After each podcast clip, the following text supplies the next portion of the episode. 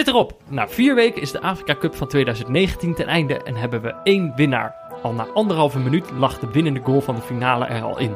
Het schot van Bounedja wordt van richting veranderd door Salif Sané en vliegt in een tergend traag boogje over keeper Gomis. 90 speelminuten later is Algerije kampioen. Al die Algerijnen blij natuurlijk. Maar de neutrale kijker dan? Wat wint die naar een toernooi dat langzaam op gang kwam, met minder supporters in de stadions dan podcastluisteraars, met wedstrijden die het uiterst vroegen van onze welwillendheid? Zelfs Algerije stelde onze sympathie op de proef in deze lelijke finale. Blijven wij dan met lege handen achter? Nee. Want het maken van deze podcast was iedere dag weer leuk. Samen iedere speeldag weer kijken naar een toernooi dat niet eens zo heel erg leuk is, dat is onbetaalbaar.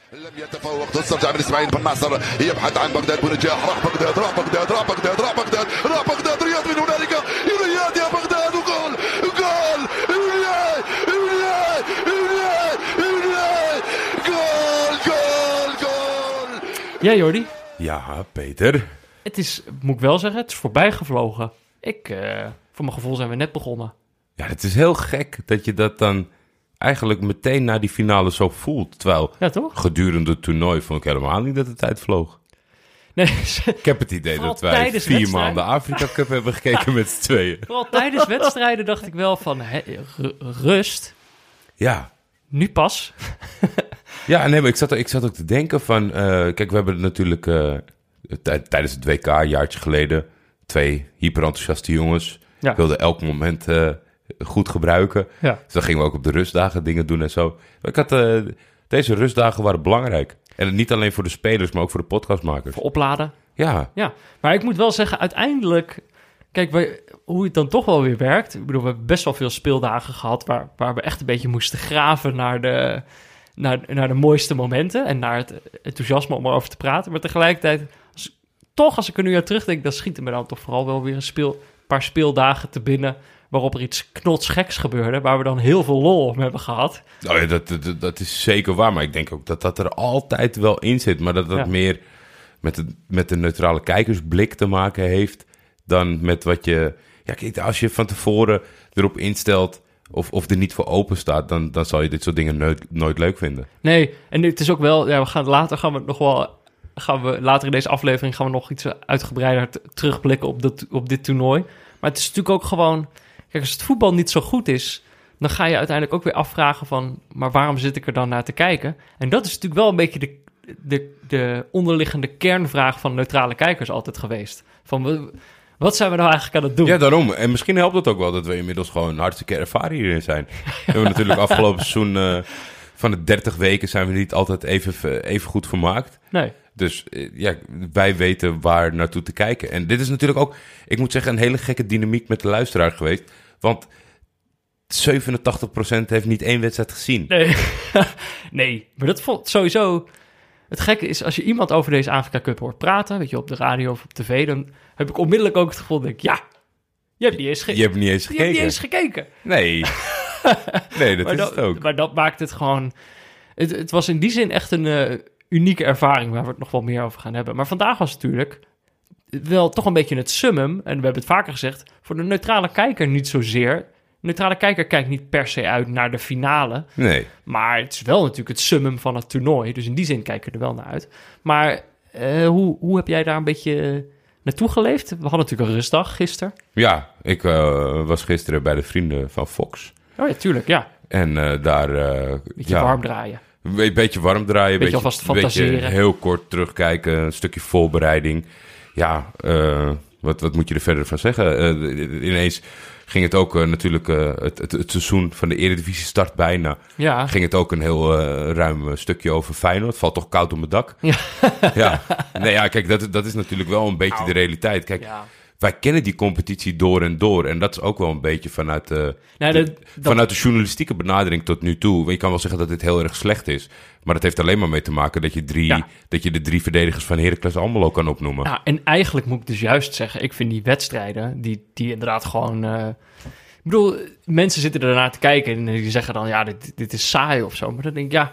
Ik bedoel, het is, het is, het is minstens zo leuk als een, eh, als een gemiddeld eredivisiepotje. En het is eigenlijk nog leuker, want je kent al die spelers niet. Dus je kunt nog heel veel dingen ontdekken. Ontdekken. Ja, Ja. En dat is denk ik wel een, eh, een mooi pluspunt. Maar laat, ik moet jou feliciteren. En eigenlijk Nou, moet ik, eh, volgens mij, trouw luisteraar, Jo, moet, zeker. moet ik je moeder hier feliciteren. Ja, Gefeliciteerd. Want dat was mijn rustdag inderdaad. Mijn moeder is 60 geworden en ik was, was op haar leeftijd. verjaardag. Schitterende leeftijd, mooi rond getal. Ja, Eh, goed te onthouden. Ze is er zelf eh, ook erg, erg blij mee, merk Ja? ik. Ja, mooi. Oh. vindt het zelf ook een mooi getal. Ja, maar inderdaad, de trouw luisteraar. Ik bedoel, is, eh, om mensen even beeld te geven. Mijn, mijn moeder had eerder een eh, cadeautje voor Fik gekocht dan ik. Omdat, eh, ja, ik weet niet, ze is ook attenter dan ik, denk Ja, maar ik denk ook dat het- zij inmiddels meer weet over Bagdad Bounidjai dan eh menige voetballiefhebber.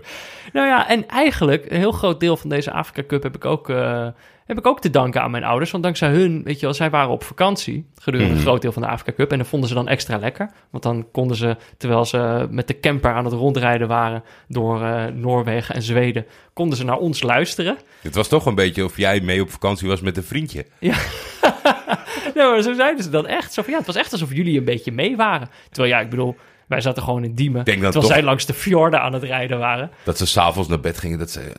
Vriendje van Jordi, wel vervelende, eentonige stem. De hele tijd in die auto, anderhalf uur, dat gelul van die gozer. Maar, nee, maar ik, had ook, ik heb het ook aan hun te danken dat ik deze hele Afrika Cup heb kunnen zien. Want zij, eh, ik, ik mocht van hun even een televisieaccountje lenen.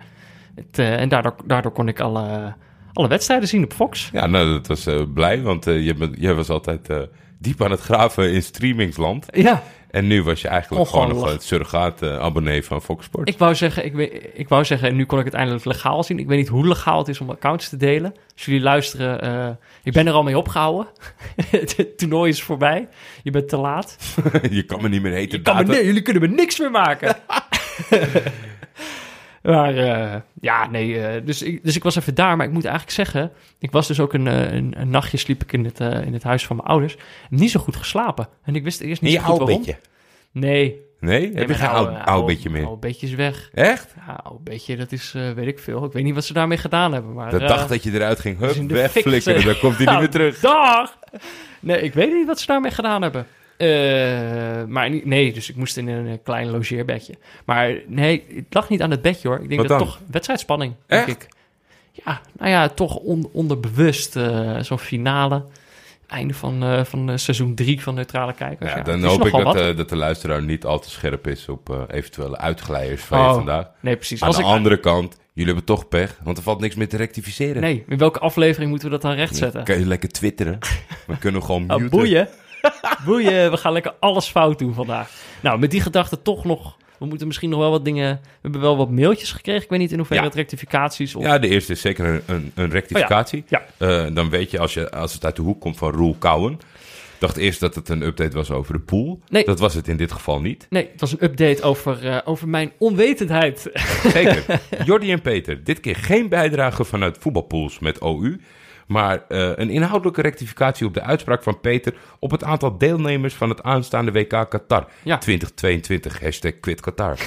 Peter stelde hierbij onterecht dat bij, de, Bij dit, dit WK ja. ook ontzettend veel ploegen gaan meedoen. Ja. Ter geruststelling, de FIFA heeft in al haar wijsheid besloten de uitbreiding van het aantal deelnemers aan het WK uit te stellen tot 2026. Nou, dat vind ik wel fijn eigenlijk. VI-artikel artikel uit mei 2019. Hij heeft de bronvermelding erbij gezet. Ja, als VI het zegt, dan zal het wel kloppen. het is een beetje als de layout van de site.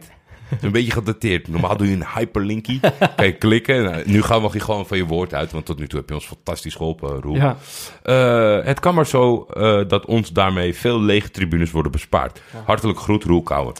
Nou ja, dat valt toch nog te bezien. Of er mensen daadwerkelijk zin Nou, hebben om ja, naar Qatar te gaan. ja, maar alsnog met die... eh, ja, precies dat zo. Als uiteindelijk iedereen naar ik, ons vind het zo, luistert. ik vind het zo spannend voor al de journalisten. Ik heb, ik heb, een, ik heb een schaduwlijstje gemaakt. Voor alle mensen die heel erg anti zijn. Mhm. En dan ga ik zo meteen kijken of, toch gaan? of ze daar zitten. Oh, dan ga jij zeggen, hey, Hey. hola. Wat zijn we aan het doen? Nee, maar ik ben er naartoe om, om te beschrijven hoe slecht het hier is. Ja, ja, ja. Nee, maar dat is, dat is ook goed natuurlijk. Ja, het is Wel? een beetje de vraag. Maar ergens is natuurlijk, kijk, deel, deels komen die lege tribunes, komen natuurlijk ook gewoon door korte voorbereidingstijd. Uiteindelijk heeft, hoe, hoe lang Ja, heeft Egypte? Qatar Heeft drie heeft- maanden gehad of zo? Ja, Qatar 12 jaar of zo. Ja. Dus, eh, dat, eh, Precies, de eerste steekpenningen zijn toen ongeveer uitgedeeld. Dus eh, die weten dat al lang. Maar bedankt voor je berichtje, Roel Kouwen. Dat was inderdaad eh, stom. Had ik kunnen weten als ik, eh, als ik via je had gelezen. Wat dat betreft ben ik eh, betrapt. Ehm, Ja, de volgende is eh, van Barry Menting. ja, Nu wordt hij woest, want hij heet Barry. nee, Barry, ja, ja, dat heb ik eerder dit seizoen al fout gedaan. Ja, hij had een suggestie voor een grap. Oh, oh nee. Je moet nooit suggesties doen voor grappen. Wil je hem, wil je hem skippen? Even- Moeten we, hem, moeten we hem opnoemen? Ik weet niet wat beter is voor Barry. Nou, ik vind, kijk, uiteindelijk... eh, dit is ook echt een seizoen geweest waar, waar we veel hebben gedaan met suggesties van luisteraars. We hebben die luisteraars echt een beetje nodig gehad ook om door, om door dit toernooi heen te komen. Ze hebben ons veel gegeven. Precies. Maar we hebben ook een boel En ik, vind, teruggegeven. ik heb natuurlijk iets goed te maken met, eh, met, eh, met, met Barry. Ja, dus neem je hem dan in bescherming? Ik... Nee, Nee? nee, de grap blijft even slecht. Maar hij vond eigenlijk dat we, als we het hadden over de, de man of the match van Auto.nl, dan eh, vond hij dat we het ook moesten hebben over de personal lease. Of de private, hij denkt, wat bedoelt denk ik, private lease. Ja, denk De ook. private lease blessure. Dat vond hij dan een leuke grap. Maar ja, ik, ik weet nog niet helemaal hoe je Als dat in een lopende zin... zeg maar naast uh, Dat is- in dat de is wat hij binnenkant van je bedoelt, been. Oké, Het is wel vervelend als je daar geblesseerd bent, denk ik. is, eh, is pijnlijk hoor. Heb je het ooit gehad? Eh, toen ik eh, kind was. Toen je kind was. Toen ik nog kind was. nu heb ik een kind, maar toen ik zelf Een nog soort kind was... vorig leven, toen was ik een kind. Ja, nee, ik had toen ik, eh, toen, ik, toen ik jong was, in de C'tjes en D'tjes, had ik altijd liesblessures. Maar dan, dan kan je niet meer voetballen. Nee. pijn. Gelukkig later nooit meer last van gehad. Oké, dat is fijn. Nou ja, goed. eh, Nou ja, hij zegt, hij zegt tot heel gauw. En dan wanneer eigenlijk, ik hoor jullie er niet over. ja, Daarover later meer in deze podcast. Blijf hangen. meer. Die vragen hebben we vaker gehad. En hij stuurt ook Barry de Blauwe Flamingo. En dat is volgens mij, er zit inderdaad in de voetbalpool zit iemand met die bijnaam. Weet ik eindelijk wie dat is. Ik hoop, het, ik hoop het ergens wel. Ik hoop dat niet dat het gewoon zijn dagelijks leven bijnaam Dit is. is gewoon zijn achternaam. Barry de Blauwe Flamingo. Ja, nee, zo heet ik. Ja, kun je om lachen, Jordi. Maar zo heet die jongen gewoon. Thomas Hogeling mailt, dan eh, laat ik de eer aan jou. Want ik heb toch een beetje frictie met Thomas Ja, ja, eh, vanaf het begin van dit toernooi. Als we dit eerlijk willen voorlezen. Het is ook geen rectificatie. Dit is meer een soort eh, toevoeging. En ik, ik weet een beetje waar dit vandaan komt natuurlijk. Kijk, hij deed een tijdje heel goed in die pool. Ja, en dan hoopt Thomas erop reputatie dat hij vaak poeltjes wint. Maar afgelopen weken wel genadeloos afgezakt in de, in de ranglijsten. Dus toen dacht hij, weet je wat, ik stuur gewoon een mailtje met een verhaal. Dan kom ik toch nog voorbij in een van Ja, ja, ja, Zo werkt. Thomas hoor. Zo goed ken ik hem wel. Eh, zonder dat ik hem goed ken, vind ik dit helemaal passen bij eh ja, ik in mijn hoofd het is wel het beeld dat je bij hem hebt. Ja, maar dan, goed, toch even die mail. Ja, oké, ik moet wel zeggen, het gaat over RBC. Oh, gelukkig. Dus Ik dacht NEC. Nee, RBC. Nou ja, ik weet niet. Hem kennen, er komt er ergens toch nog wel iets van NEC voorbij. Maar laten we er gewoon maar aan beginnen. Beste neutrale kijkers, jullie hebben een podcast en daar luister ik naar. Tot zover de inleidende complimenten. Omdat ik naar jullie luister, weet ik dat jullie een fascinatie hebben voor RBC-supporters. Klopt, er zijn er twee, voor zover ik weet. Nee, drie. Oh ja, drie, sorry. Red ik je Twee weer, tassen, twee tassen, drie Eén tas, één oude met oude Nee, logo. twee tassen. Ja, de tweede tas is eigenlijk... Ik heb gezocht. Die bestaat eigenlijk helemaal niet. Wat? Ja, dat, zeg maar met het nieuwe... Ik kon het niet vinden. Er is één webshop eh, op Oh, deze het, wereld eh, met RBC-spullen. Maar daar kan je niet echt goed uithalen dat RBC-spullen zijn. Want het is gewoon... eh, volgens mij dat hele lelijke merk Patrick. Dat sportmerk. Het is echt heel lelijk. Dus zowel een voornaam als een sportmerk. Ja, precies. En Ja. dat is echt wel... Altijd foutable, dat weet je meteen al. Ik ben blij dat het in mijn tijd nog niet bestond. Want de kinderen die dat hadden aangetrokken bij gym... die waren wel de klos geweest bij mij, weer, kan ik je vertellen. Kijk, met Masita Patrick. en harde R in je schoenen tot daar aan toe. Ja. Maar als je Patrick had aangetrokken... Eh, terug naar Thomas. We, hebben, we zijn tot de eerste twee zinnen gekomen. Ehm, eh, eh, ja, daar, oké. Het was de zin, omdat ik naar jullie luister, weet ik dat jullie een fascinatie hebben voor RBC-supporters. Daarom stuur ik jullie dit verhaal over RBC-supporter Tedros Medin. Dat is een Ethiopische naam. Zijn vader Abraham komt namelijk uit, jawel, Ethiopië. Dat is verder niet relevant voor dit verhaal, maar dan hebben we in ieder geval iets van een link met de Afrika Cup te pakken. Of in elk geval met Afrika. Ethiopië ligt in Afrika. Tedros is RBC-supporter. Niet omdat hij uit Roosendaal komt, maar omdat hij om onbegrijpelijke redenen was. eh, om, om onbegrijpelijke redenen fan was van de voetballer Robert Molenaar. Wat?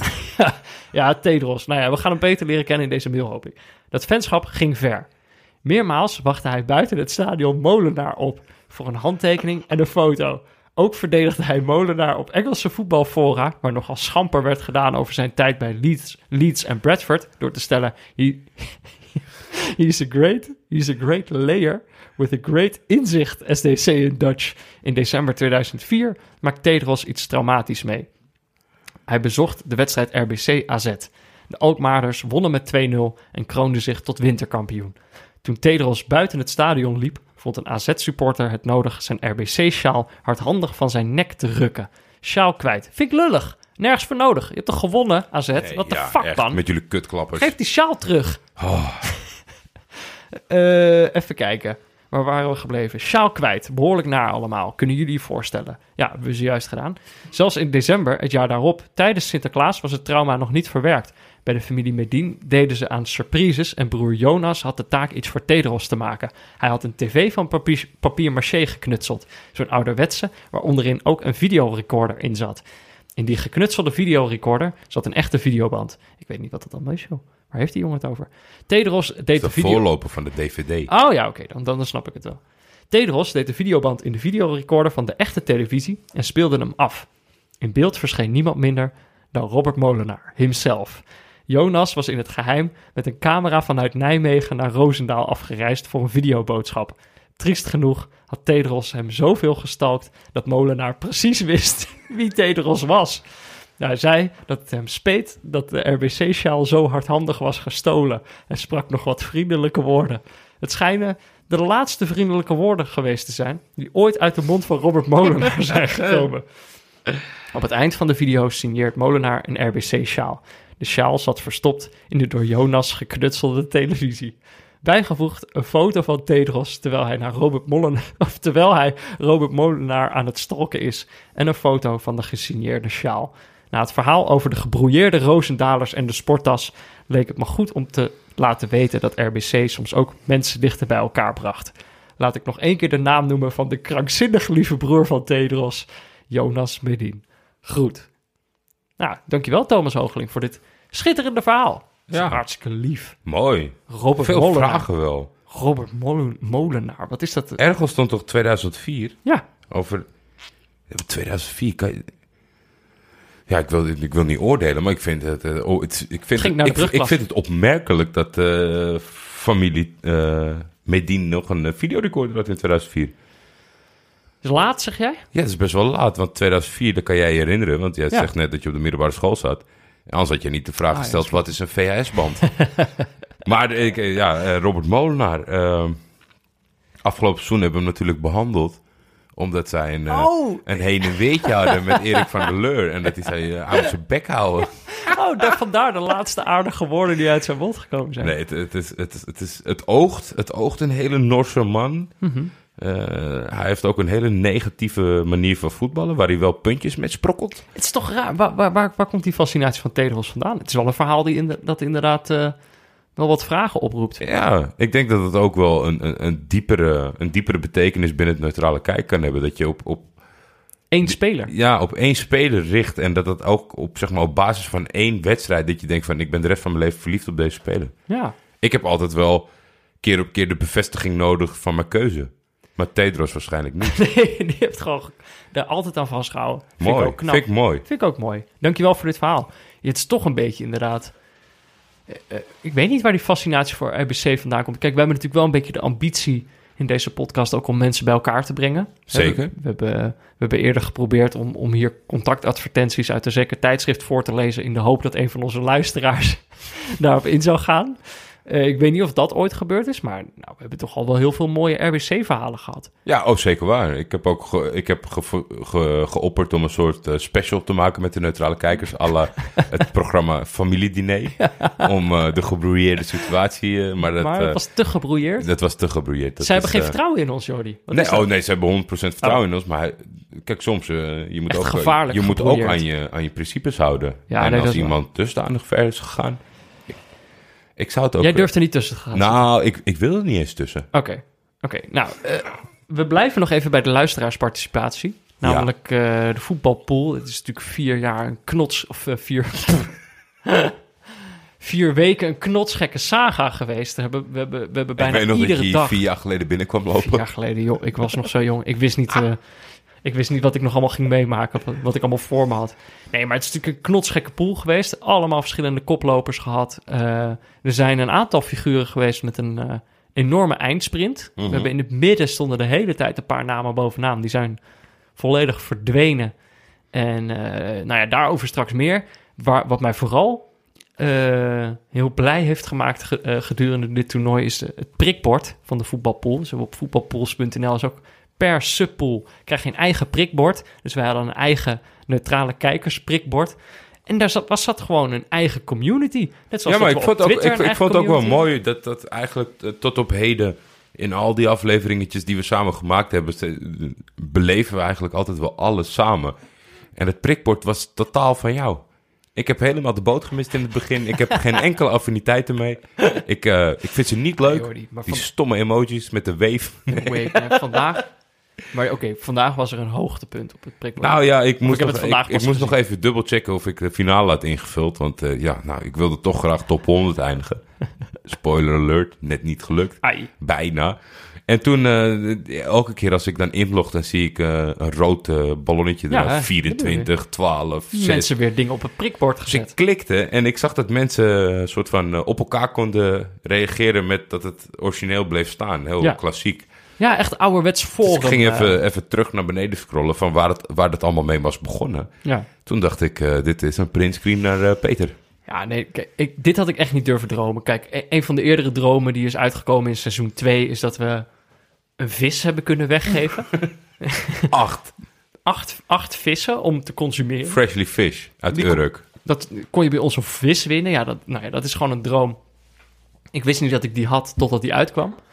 Ehm, maar nu, dit is toch wel een andere droom. Dat is namelijk, iemand heeft een mop eh, verteld op het prikbord. Ja, een goeie ook. Ja, gewoon, nou, een goeie, dat wil ik misschien niet zeggen. Maar ja, wel, ik wel. ik, wel. vind, ik vind het wel, het is onomstotelijk een neutrale kijkersmop. Iemand die niet dit seizoen heeft geluisterd, snapt hem niet. En dat vind ik er zo mooi aan. Zo van, het, is, het is een mop die je alleen kan begrijpen als je dit seizoen hebt Ja, geluisterd. je, hebt, je zal waarschijnlijk nu, na, dan morgen is dan, de, dan zet jij er weer bij super lang. En dan denkt iemand die in het begin twee afleveringen heeft geluisterd van, oh, ik ga even kijken. Ah, de- even super lang even de recap, dan weet ik Ja. alles weer voor eh, eh, leuk mee te praten bij de... Bij Nee. de- nee, dat gaat nu niet Ja, je hebt, als, die mensen die, die dit aan het doen zijn, die denken ik luister die laatste wel en dan kan ik de hele Afrika Cup meekrijgen. Je hebt geen idee waar dit Nee. over gaat. En met een douchebag. Moet ik de mop voorlezen?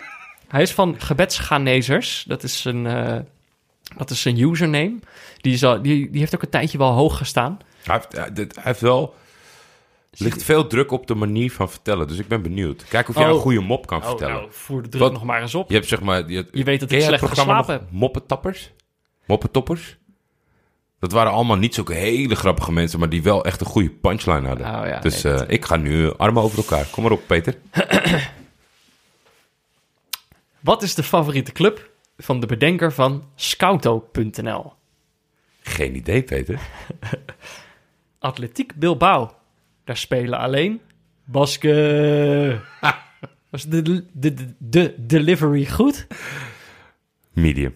Baske. Medium. Kijk, weet je wat het is? Eh, de- wij versterken elkaar alleen maar door eerlijkheid. Ja, Hij was medium. oké. Ik ga hem ook niet overnieuw doen. Nee, Ik, het, het- het- dit was het. Ik, ik heb niet meer. Baske. hij was op papier leuker dan... eh, Toch maar, toch maar eruit knippen straks. Ehm, maar oké, waar, waar mensen natuurlijk werkelijk op zitten te wachten... is gewoon wie, wie heeft er gewonnen? Want nou, er is op natuurlijk... zitten te wachten. Ik had een tweet eh, voor het laatste fluitsignaal of zowat. Ja, maar niet al onze luisteraars zitten op Twitter. Eh, niet alle onze luisteraars eh, zijn volledig op de hoogte van de, de stand in de pool. Maar kijk, er was een fantastische hoofdprijs. Namelijk 25, 25 euro aan noten bij Sebon. Ja. De beste notenbar van Amsterdam. Klopt. Kijk, hiervoor hebben we allemaal pillies uitgedeeld aan mensen met eh, goede teamnamen. Mensen die een wedstrijd goed voorspelden. Mensen die... Hakim Ziyech heb zich gemeld. Echt? Ja. En weet En? je dat ik een keer live... En is het een beetje een leuke gast? Of, eh, het, is, het, is, eh, het is zeker een leuke gast. En wat ook nog mooi was, is dat ik een keer een hele avond lang met hem in dezelfde ruimte ben Nou geweest. ja. Maar ik wist dat niet meer. Hakim Ziyech. Want er stond in zijn, in zijn DM'tje... Hoi Jordi, Hakim Ziyech hier. Tot grote verbazing hoor ik vanochtend ineens dat jullie nog naar mij op zoek zijn. Ja. Als trouwe luisteraar dacht ik alles geluisterd te hebben. Maar nee hoor, een weekend naar Wuha deed mij toch de das om. Twee Ah. afleveringen gemist. En dan net als ik een prijs win.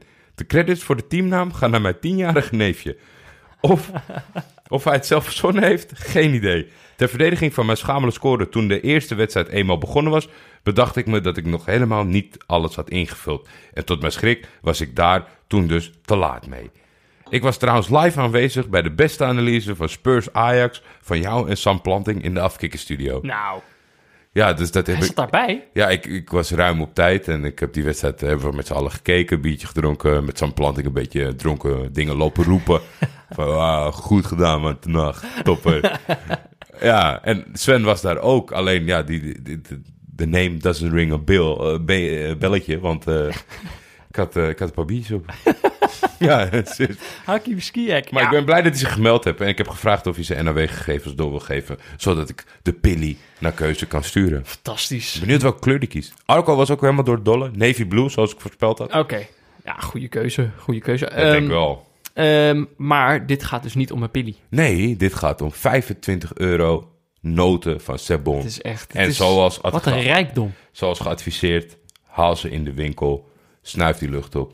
Kan je ook even naar de winkel daarnaast? Daar ben ik vandaag nog geweest, bij een winkeltje. Zit er niet echt naast, een stukje verderop. Heb je korting gekregen? Anders zou ik ze niet noemen. Oeh, ik heb ze al genoemd. Ah, te laat. Misschien kan ik nog terug vragen. Mag ik alsnog korting? Laat je dit audiofragment horen. Ik heb jullie genoemd in deze podcast die je niet kent. Ehm, maar er is er maar één winnaar. En dat is iemand die is echt... Hij is Ik heb hem nog het niet gehoord. Hij is vanuit het niets gekomen. Knap. Daar heb ik altijd meer respect voor. Henewie is zijn, eh, is zijn teamnaam. En zijn eh, echte naam is Henry van Dijk. Ja, die jongen is echt vanuit het niets gekomen. Die heeft op de laatste speeldag heeft hij 42 punten gehaald. Dus hartstikke veel. Volgens mij is dat de correcte uitslag. Correcte doelpuntenmaker. De hele reutemeteut. Busquets van Brabant had 50 punten. Ik weet niet wat die allemaal goed had. Die heeft wat steekpenningen uitgedeeld. eh, denk ik ook. was niet genoeg. Die is 60 geworden. VV Haafde 1 is tweede geworden. Sander Saitos. Die is hier vaker voorbij gekomen in Oh. deze podcast. Eh, maar er staan allemaal nieuwe namen in deze top 5. Leef Fennec, dat is wel eh, dat is de bijnaam van. Algerije. De Woestijnvos is derde. Sander Reuvers. King of the Gas Station, die stond voor deze finale nog eerste. Pim Zes Siegers. puntjes, maar schamel. Ai, ai, ai, ai, Alles ingezet op? Senegal. Zo stom. Gegokt en verloren. Zo stom. Gegokt en verloren. Ehm, maar er is dus maar één winnaar en dat is Henewie. Dus Henewie, jij hebt deze Afrika Cup, hele Afrika Cup het beste voorspeld. Gefeliciteerd, Henry van Dijk. Even kijken waar Een we... mooie prestatie. Ja, slide in de DM's en krijg 25 euro aan noten. Oh, hij heeft, jou, hij heeft jou getweet en mij in de cc gezet. Dus eh, los jij het maar op. Oké. Oké, heb ik morgen ook nog wat te doen. Even kijken waar ik zelf ben geëindigd. Ik zoek mezelf eh, op. Ik heb natuurlijk het hele toernooi een beetje 461ste gestaan. Jordi, Wat is het geworden? 457ste. Hoe kan je nou steeds zulke Ja, kleine stapjes maken, man? Ik heb ook helemaal niet zoveel punten gepakt hoor. 12 maar. Terwijl ik had volgens mij de uitslag goed en zo. Ik, had, eh, ik ben 121ste geëindigd. Zo. Jij bent wel flink gestegen. Weet je nog, in de eerste paar dagen stond je nog onder mij. Ja, Wat een, eh, wat een ontwikkeling. dat motiveerde mij enorm. Linker rijtje. Ik ben eh, toch eh, behoorlijk rechter rijtje, maar dan ook weer niet, weer niet onder de degradatiestreep hoor. Zo nee, gelukkig waren er een paar mensen die niks hebben ingevuld. Even kijken, wie, zijn, wie, zijn nou eigenlijk, wie heeft er echt het minst aantal punten? Spaantje United, Nick Spaan, vijf punten. Nayara FC, Lucas Maaskant, vijf punten. Jan, vijf punten. Zal wel Jan Bavink zijn. Heukelum, Heukelum 1990, ook vijf punten. Ja, er zijn nog ook mensen met nul punten hoor. Maar ja, dat, ja die hebben dan gewoon niks ingevoerd. Eh, tot zover de voetbalpool. Dit is Dat wel was echt hem. Hoeveel mensen er hebben meegedaan aan een voetbalpool voor de Afrika Cup. En dat het allemaal kon op deze site. Dit is dan misschien wel even het moment om, eh, om die mensen nog een laatste keer te, te bedanken. Dank jullie wel. Het werkte allemaal als een tierenlier. Het is een topsite. Geen problemen gehad. Topsite. Kan het iedereen aanraden. Je kan het fout spellen en je komt er toch uit. Ja, geweldig. Oké, Jordi. Half uurtje bezig.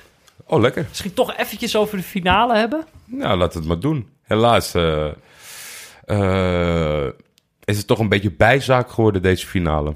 Ja, maar jij, jij slaat gelijk al alles over. Oh, sorry. Wel, de eerste... Er ging een slotceremonie aan vooraf. Heb ik niet gezien. Hebben we niet gezien. Dat is natuurlijk jammer. is altijd het hoogtepunt van het toernooi. Eh, gemist. Het scheen heel goed te zijn. Goede Ja. slotceremonie. Openingsceremonie U2. was natuurlijk mooi. U2. Ja. Zeker? U2. Ja, YouTube. Gewoon echt Optreden? letterlijk de band. Of hebben ze gewoon een liedje aangezet? Ik heb het toch niet gezien, hoe moet ik het nou weten? Ik U2? dacht, U2 is toch zo'n universele band die komt optreden voor zo'n evenement. Ja, maar het was... Oké, ja, nee, inderdaad. U2 was daar. Was super vet. Eh, was super vet. er was nogal wat gedoe over de scheids. Daar hebben we natuurlijk in de vorige aflevering al over gehad. Ja, we begonnen met Bamlak. Die we, dat vonden wij heel gek. Was dat, geintje, dat was misschien een, een fake bericht. Waren we in fake nieuws getrapt. Oei, oei, oei. En toen was daar ineens de Zuid-Afrikaanse scheidsrechter. Die, we- die, die tweet verdween ook. En gisteren eh, kwam het eh, van... eh, nou, er zal wat geks aan de hand zijn. Want het is ineens een meneer uit Cameroen geworden. Ja, En die heeft uiteindelijk de finale gefloten. ja dus de- op de Dus laatste dag voor was, de finale was besloten. Bamblak dan fake news. Maar dat, ze hebben toch nog op het laatste moment... één dag voor de, voor de finale hebben ze gewisseld van scheidsrechter. En dan is er nog een ander dingetje. Geen Paul van Boekel als VAR. Dat is Nee. een beetje... Terwijl ik denk, zowel Senegal als Algerije met duidelijke links naar Frankrijk. Want eh, de VAR in dit- deze kwestie was wel Frans. Ik had Ja. voor Pool gekozen. Oh, ik Nou had ja, sowieso... na zijn na zijn vorige duel. Ik had voor Danny gekozen. Ja, dat is ook. Maar ja, Danny invliegen voor de finale. waar is die eigenlijk? Vakantie, denk ik. Ja, zo Va- lang? vakantie. Wauw. Ehm, even kijken, de wedstrijd. En die begon. En die begon ook eigenlijk meteen wel. Eh, kijk, we, we, we zaten hier... Nou ja, dat kan ik toch zeggen bij deze wedstrijd? ja, zeker. Hoeveel wedstrijden wij hebben gezien... waar, waar pas na een half uur de eerste actie eh, gebeurde. Ja, ik leg de link nu met eh, wat je Ja. bedoelde. Maar we zaten... eh, bij de volksliederen hadden we hem wel aangezet. We zaten op de bank. Fik, Fik, zat eh, Senegal uit te fluiten. Ja, die zit er flink doorheen te roepen. Die hooligan. Eh, die zorgde er wel voor dat, dat we scherp waren voor de finale. Ja. Eh, had misschien iets harder moeten roepen. Dan was Senegal ook helemaal scherp geweest. Want ja, het was eigenlijk na anderhalve minuut... is deze finale al beslist. Eigenlijk, achteraf. Eh, er is een actie vanaf links. Ik heb even niet meer... Was dat Mares? Die die actie in eerste instantie opzet. Die bal gaat naar Bounedja. Ja, of, ja. denk dat het Mares uiteindelijk. Nou, weet ik niet zeker. Maar hij belandt bij Bonitja. En die Ja. moet nog een afstandje overbruggen. Ja, Maakt een beweging naar binnen. Eh druk baasje. Schiet van redelijke afstand. ja, gewoon, weet je, ze hebben duidelijk meegekregen. Fel beginnen. Dus Ja. iemand denkt gewoon meteen op doel knallen. En eh Koulibaly is er natuurlijk niet bij. Nee, is pakte geel in de halve finale. In zijn plaats kwam eh, de in de eerste wedstrijd geblesseerde Salif Sané terug in de basis. Naast Kouyaté. Wij, ik, ik sprak al enige zorgen daarover uit. Ja. Het heeft verder hier niks mee te maken hoor. Maar hij maakt een sliding op het schot van Bounedja. Bal gaat heel hoog. Keeper Gomis staat ver voor zijn goal. Nou ja, wij denken allemaal van ren terug. Ja, hij doet niks. Hij beweegt niet. En dan tot, tot zijn eigen verbazing en tot onze bevestiging Ja. stuit die bal in het doel. Het was echt, het duurde heel even, volgens mij voor iedereen op het veld, om te bedenken van, hè, zit die er nou in? Nou, ik snap echt wel dat je in eerste instantie, voordat we weer eh, een boze keeper krijgen, dat je even vaststaat. Alleen, normaal gesproken ben je, ben je soort van meteen te laat. En nou ja, zo it, het ziet er ongelukkig uit. Maar deze bal was zo lang onderweg. Ik weet ook niet of hij hem uiteindelijk gehaald had, maar Al is hij had het- op zijn minst kunnen Alleen, ja, precies. Al is het alleen maar voor de, voor de buitenwacht. Ja, Dat die mensen denken van hij heeft zijn best gedaan. ja, maar dat nu, is nu stond, het zag er zo raar uit. En 1-0 Algerije. 1-0 Algerije. En dat is eigenlijk, eh, uiteindelijk, met de kennis van nu, was dat niet een heel fijn, eh, fijn scenario. Want op dat moment eh, ontstaat er natuurlijk een situatie waarin Algerije denkt, ja, we kunnen het nu 90 minuten dicht proberen te houden. Ze hinkelen in het begin nog een beetje, of hinken nog een beetje op twee gedachten. Ja. Dus je ziet ze nog denken van, ah, misschien gaan we toch nog wel aanvallen. Maar uiteindelijk is heel die ploeg toch wel gewoon aan boord met het idee van, we gaan gewoon die 1-0 op het bord houden. Ja, ik zag, op, ik, ik zag op Twitter, ik werd een paar keer persoonlijk aangevallen... omdat die mensen het zeg maar niet keken en wel luisterden. En dan nu ervoor waren gaan zitten en die zeiden van... eh, schaam je met Ja. die loftrompet voor Het Algerije. Algerije is helemaal niet zo leuk. Ja, nou ja, het, het spijt mij ook. Ik heb ook gewoon eh, gedurende de wedstrijd dat ik eh, hoopte dat Senegal de gelijkmakers zou maken. Al was het om, om Algerije een beetje wakker te schoppen. Helaas veranderde zij na het doelpunt in een soort Tunesië light qua wedstrijdinstelling. Ze hebben gewoon de wedstrijd Maar- ontregeld. Het, het is de finale. En je Ja. wilt dat heel graag winnen. En zoals eh, inmiddels bekend was, Senegal heeft hem nog nooit gewonnen. Dat is zo gebleven. En zij hebben hem maar één keer gewonnen. Dus het zijn twee landen die er heel veel, heel veel voor over hadden om hem te Oh ja, winnen. En we hebben eerder ook al gezien hoeveel spanning er bij Algerije op staat. Eh, op de momenten dat ze er bijna uitvlogen bijvoorbeeld. Hoeveel emotie er dan los Ja, maar ik die denk mensen. ook- Die ik nemen denk gewoon ook- geen enkel risico. Ik denk ook wel dat het een bepaald eh, respect is naar Senegal. Om zeg maar bij alle wedstrijden wat zij dachten van we blijven lekker door eh, voetballen, Ja. want wij zijn de betere. Dat het, dat het toch een soort van angst was ingeslopen. Nou moet ik wel zeggen dat eh, iets wat misschien een beetje onderbelicht was. nummer 21 van Algerije is wel eh, de vreemde eend in de bijt met, met echt verschrikkelijk gedrag. Ja, dat, die is, dat is natuurlijk die jongen die de hand pakte van eh Zaha in zijn eigen gezicht sloeg. Ja. Terwijl En- er al VAR was. Die vandaag ook weer echt... Hij komt al... Nou ja, moeten we het, laten we het over de VAR hebben. Want het moment begint... Ja, in eerste instantie de vraagtekens beginnen bij zijn moment. Ja. Hij doet alsof hij wordt neergehaald. Er zijn natuurlijk altijd als je verdedigend terugloopt met een aanval in je rug en gaat liggen, dan heb je 99% de kans dat de scheidsrechter of de grensrechter hem meegeeft. Ja. Dat lijkt hier te gebeuren, maar in een of andere reflex schopt hij keihard op de kuit eh, van de aanvaller die druk op hem zette. Ja. Dus wij denken, of tenminste ik zeg tegen jou, van mij hoef je hem hiervoor niet weg te sturen, maar dit is wel een heel ongelukkig moment Ik voor denk, de VAR. precies, als de VAR kijkt, scheids kijkt, is het volgens mij gewoon langzaam fragment. natrappen, rood. Ja, ik denk ook rood. Terwijl Ja. ik zou kunnen leven met geel, maar wat, er gebeurt niks. Gebeurt niks. Er gebeurt niks. En dan op dat moment zit je altijd te denken van ja, maar wat doet die VAR dan eigenlijk bij deze wedstrijd? Heel- Eh, Ik moet echt zeggen, heel vreemd, want het werd goed in beeld gebracht. ja. Dus de regie had het ook niet gemist. Maar dit is dan misschien een moment om heel even te kijken hoe, hoe dit, dit toernooi precies gegaan is. Want de VAR kwam natuurlijk pas van- vanaf de kwartfinale. Wij zaten in die groepsfase, zaten wij al naar wedstrijden te kijken en dachten van nou, ik ben benieuwd wat de VAR gaat doen als hij er eenmaal is. Want als je alles gaat bestraffen, dan gaan er heel veel spelers met rood vanaf op dit toernooi. Ja, en toen, toen heb jij ergens gezegd, eh, misschien gekscherend, misschien eh helderziend, van... Ik denk dat ze niet zo op die vrije trappen gaan zitten, of op die overtredingen gaan zitten, maar meer gewoon voor de doelpuntencontrole. Ja. Ja. ik denk zeker na deze finale dat jij gelijk hebt. Dat ze gewoon maar- er niet zaten om overtredingen te beoordelen. Kijk, kijk nou naar dit hele toernooi. Er zijn een paar rode kaarten geweest. Volgens drie, twee of drie geloof ik. Allemaal Twee keer tijdrekken. twee keer tijd trekken en één keer volgens mij shirtje trekken Ja, eh, van een doorgebroken speler. Eh, allemaal tweede, tweede geel tweede ook. gele kaarten. En allemaal lullig. Terwijl, oh, als je dat toch eens allemaal tegenover de, de, de grove tackles zet die we op dit toernooi hebben gezien. Ja, ik snap wel dat je dan niet opeens bij de kwartfinale gaat denken... vanaf nu gaan we, gaat de VAR meekijken en gaan al deze gasten eraf. Want dan heb je natuurlijk ook een raar toernooi. Dan veranderen opeens halverwege de regels. Wat natuurlijk sowieso al zo is. Maar ik Nou ja, dat er verandert de regel of kan je het beter handhaven? Ik vind het, ik vind Ja. het ergens een, een te gekke gedachte om te zeggen van... Ja. Nou, we gaan hem niet helemaal inzetten, want anders wordt het te bond. Ja, dat is toch eh, de, de... Want wat je ziet, wat je wel heel erg ziet in deze finale... is dat die ploegen ontzettend goed de VAR kunnen bespelen. Ja. Er, worden, er worden echt overwegingen gemaakt van... oké, ik zie dat voetje, ik, ga hier, ik, ik haak mezelf hierin. Dat is een paar keer in deze wedstrijd gebeurd. Ja. Maar ja, het moment wat we ander hadden... moment. Er Ja. gebeurt niks. VAR grijpt niet in. Kan gebeuren. Wij kijken verder. En dan is er Mané die, Bij een die corner. denk ik, corner en Vergoed wil hem afdekken. Ze staan een beetje naast elkaar, keeper voor hun.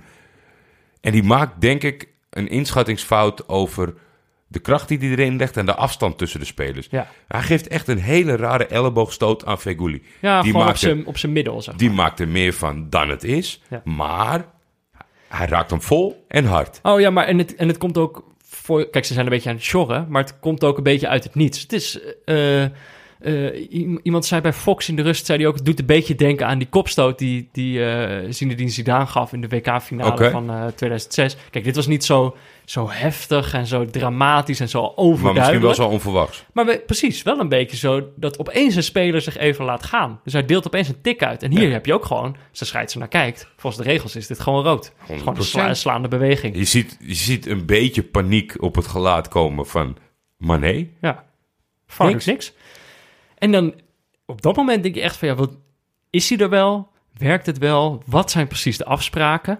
Eh, ik denk gewoon echt dat ze dat. Ik denk inderdaad wat jij zegt. Er is gewoon een afspraak gemaakt. We gaan dit niet doen. We gaan niet. eh, Het is heel, maar dat zou ik echt heel kwalijk en heel slecht vinden. ja, maar dat helpt niet. We komen er nooit achter, maar dat, dat, kan- dat kan gewoon niet. Je kan niet zeggen van, ja, het is hier in Afrika, we spelen nou eenmaal wat harder, we doen, we doen hem half. Ja, maar oké, dan, is het, eh, dan is het rust. Het staat natuurlijk nog steeds 0-1 voor, voor Algerije. En dan eh, hoop je van nou, in de rust. Misschien krijgt Aliou Cissé het dan voor elkaar om Senegal met een soort nieuw elan die tweede helft in te sturen. Want het was toch de twee, hele eerste helft leek ze toch een beetje stuurloos, krachteloos. Lukte ze niet echt. Nee, Dus dan had je het idee van, nou, er zijn misschien wat nieuwe impulsen nodig. Er vallen ook in de loop der tijd nog wat spelers in. En dan in die tweede helft is er een momentje dat je het gevoel hebt van, ah, misschien gaat het nu even stormen. Zoals Senegal tot nu toe elke wedstrijd had. Een paar minuutjes stormt het, komen er heel Ja. veel kansen. En er komt op een gegeven moment, zo rond de 60ste minuut vindt het allemaal plaats. En dan komt er een momentje, voorzet vanaf de zijkant, vanaf rechts. Eh Gassama neem ik aan dat het is. En er is een verdediger. Is het de verdediger of was het Gediura? Kiriura volgens mij. Ja, dus eh, de verdedigende middenvelder van Algerije, die raakt die bal met zijn hand. En eh, ja, ik weet ook, ik moet heel eerlijk zeggen, ik weet ook niet meer precies wat, wat de hensregels nu zijn. Die Hij zijn was redelijk recht naar beneden. Hij was redelijk langs zijn lichaam. Het zag eruit als een natuurlijke beweging. Alleen op het allerlaatste moment. En ik denk dat dat ook een reflex is waar heel veel mensen niks voor kunnen doen. Ja. Tikt hij hem een klein beetje naar buiten. Ja, zijn arm gaat een beetje naar Ik buiten. had, en hij eh, ik, had, ik had begrip voor allebei de keuzes van wat het, wat het was geworden van de scheidsrechter. Hij, Want geeft de hem, scheids hij gaf hem. Ja, En op basis van de beelden, en dat was ook wel duidelijk, zeg maar in de slow-mo, dan was het wel moeilijk om achter die keuze te blijven staan. Ja. Trekt hij hem terug. Maar ik had, ik had echt begrip gehad voor beide situaties. En ik had een stukje meer hoop op een penalty. Om die wedstrijd wat leven in te blazen. ja en uiteindelijk, eh, want hij, eh, Senegal krijgt hem dus niet. Nou, op het moment Algerije gaat echt helemaal uit hun dak. Alsof ze gescoord hebben. Ja, En Senegal eh, is dit natuurlijk een soort extra klap. En ik heb ook eigenlijk wel... Daarna heb je nog, heel, nog een paar minuten het gevoel... die goal zit er alsnog aan te komen. Want ze blijven aandringen. ja de zijn- bovenhand. meer, meer kansrijke posities. Algerije is overduidelijk gewoon alleen nog maar aan het tegenhouden. Maar het, het gebeurt maar niet. En volgens mij is eh, aan deze ploeg... Er is heel veel goed aan Senegal. Maar ze hebben wel één heel duidelijke zwakke plek. En dat is de spitspositie. Ook in deze wedstrijd weer. Ze hebben natuurlijk een beetje... Aliou Cissé wist het ook niet precies. Hij heeft wel steeds gekozen voor Niang in de spits. Ja. Eh, die zit nu bij Ren, toch? Ja, En eh, daarvoor natuurlijk bij, bij Milaan was dat nog een heel groot talent. Ja, het is gewoon geen killer voor de goal. Hij, heeft één, één, hij krijgt één bal mee op snelheid. Die is Van perfect. Mané. Loopt de keeper voorbij, dat is allemaal goed. En daarna op, eh, dan, dan schiet hij heel hij heeft wild. ook nog een eh, ander moment dat hij, dat hij half over die bal struikelt terwijl ze met de counter bezig zijn. En Mané legt hem ook weer op hem af. ja, En dan struikelt hij over een bal. En eh, niemand van de spits heeft gescoord op dit toernooi voor Senegal. nee, Wat natuurlijk een veelzeggende statistiek Nou ja, is. ze hebben er maar één. Die andere die invalt, die kan er natuurlijk niet Jack van. nee, ja, die valt inderdaad in deze wedstrijd ook nog in. Maar dit is ook nee, maar ik denk, ik denk uiteindelijk de is Senegal eh, die probeert aan te vallen. En inderdaad, ze, ze, ze missen een goede spits. Maar je moet ook zo zien dat vijf minuten voor tijd eh, de ingevallen Crepin Diatta... die krijgt een... Aan de invallers heeft het niet gelegen trouwens. Hè? Aliou Cissé heeft wel gewoon allemaal aanvallers Hij erbij heeft, hij gegooid. heeft alles aanvallend gewisseld, maar ik vind het echt, echt, echt onbegrijpelijk. Vijf minuten voor tijd, hele 16 meter vol. En nou hebben ze ook een paar andere voorbeelden gehad dat het niet per se wat hoeft op te leveren. Maar Diatta krijgt een vrije trap. Die schiet uit onmogelijke positie, schiet hij hoog over. Want hij richt hem gewoon op doel. meter over. En dat kan gewoon echt niet. Ik heb daar zo'n hekel aan van die spelers die zelf de ster willen worden. Want dat is de enige overweging die je maakt op het moment dat de tien eh, teamgenoten dicht bij het doel van de tegenstander staan om iets de- te proberen. In de 85ste minuut zijn verdedigers hebben, zijn helemaal naar het andere penaltygebied toegekomen om, om daar een bal binnen te kunnen koppen. En dan ga je zelf vijf Ja. meter overschieten. Maar ja, ik denk, ik denk uit... En dat was niet eens de enige slechte vrije trap, toch? Er wordt, wordt een paar minuten later wordt er van grote Ja, afstand de- wordt er een de- bal in een dat- eenmansmuur Dat is, geschoten. de laatste, dat is de laatste poging. En daar gaat dan Salif Sané voor staan. En dat, ja, ik begrijp dat, ik begrijp dat gewoon echt niet. Dat is, dat is echt het laatste, de laatste kans die je hebt. Keeper gaat niet mee. Salif Sané gaat schieten. Ja. San, of Mané komt en die tikt hem heel nonchalant opzij. Maar dat was voor mij ook wel het probleem bij het kijken bij Senegal. Ergens denk ik dat ze te lief zijn. Algerije veel agressiever en dat kan heel Ja. irritant overkomen. Maar gewoon wel de baas over die jongens. Op een gegeven moment, Senegal neemt het allemaal een beetje gezapig aan. En zo ga je nooit de finale winnen. Nee, ja, kijk, Algerije had natuurlijk wel geluk met die vroege goal. Da- daardoor hadden zij ook dat initiatief in de, in de ploeg. Maar ze hebben dat wel goed eh, gedaan, denk ik. En Senegal, als je toch kijkt naar het hele toernooi, paste ook deze wedstrijd daarin. Ze zijn zo vaak krachteloos Ja, geweest. En dat leek een beetje dat ze met de handrem erop speelden. Dat je dacht van, nou, als het een keer echt om draait, dan komen ze wel. Maar uiteindelijk blijkt het misschien toch wel een soort... eh, ik maak voor één, man, er eh, voor één man een uitzondering en dat is Sabali. Sabali was vandaag ook weer linksback. fantastisch van Bordeaux. Eh, weer een goede poging, terwijl dat helemaal niet zijn, eh, zijn, heeft, eh, zijn functie is. Heeft elke, elke wedstrijd goed gespeeld. Alle wedstrijden goed gespeeld en echt een verborgen pareltje. Mané, eh, geen goed toernooi. Nee. Wel drie keer gescoord, maar geen enkele keer echt goed geweest. En ook, ik vind eigenlijk vooral in... het is hem niet gelukt. En je hoeft ook niet altijd als verdette, verdette natuurlijk je hele team op sleeptouw te nemen.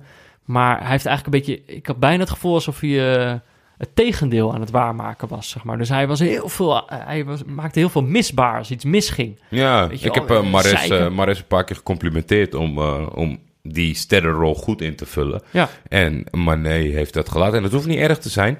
Als je dan, dan moet je wel belangrijk zijn voor je ploeg. Dan hoef je niet de leider te zijn. Ehm, ja heel veelzeggend. Uiteindelijk is man of the match is Reis. De keeper van...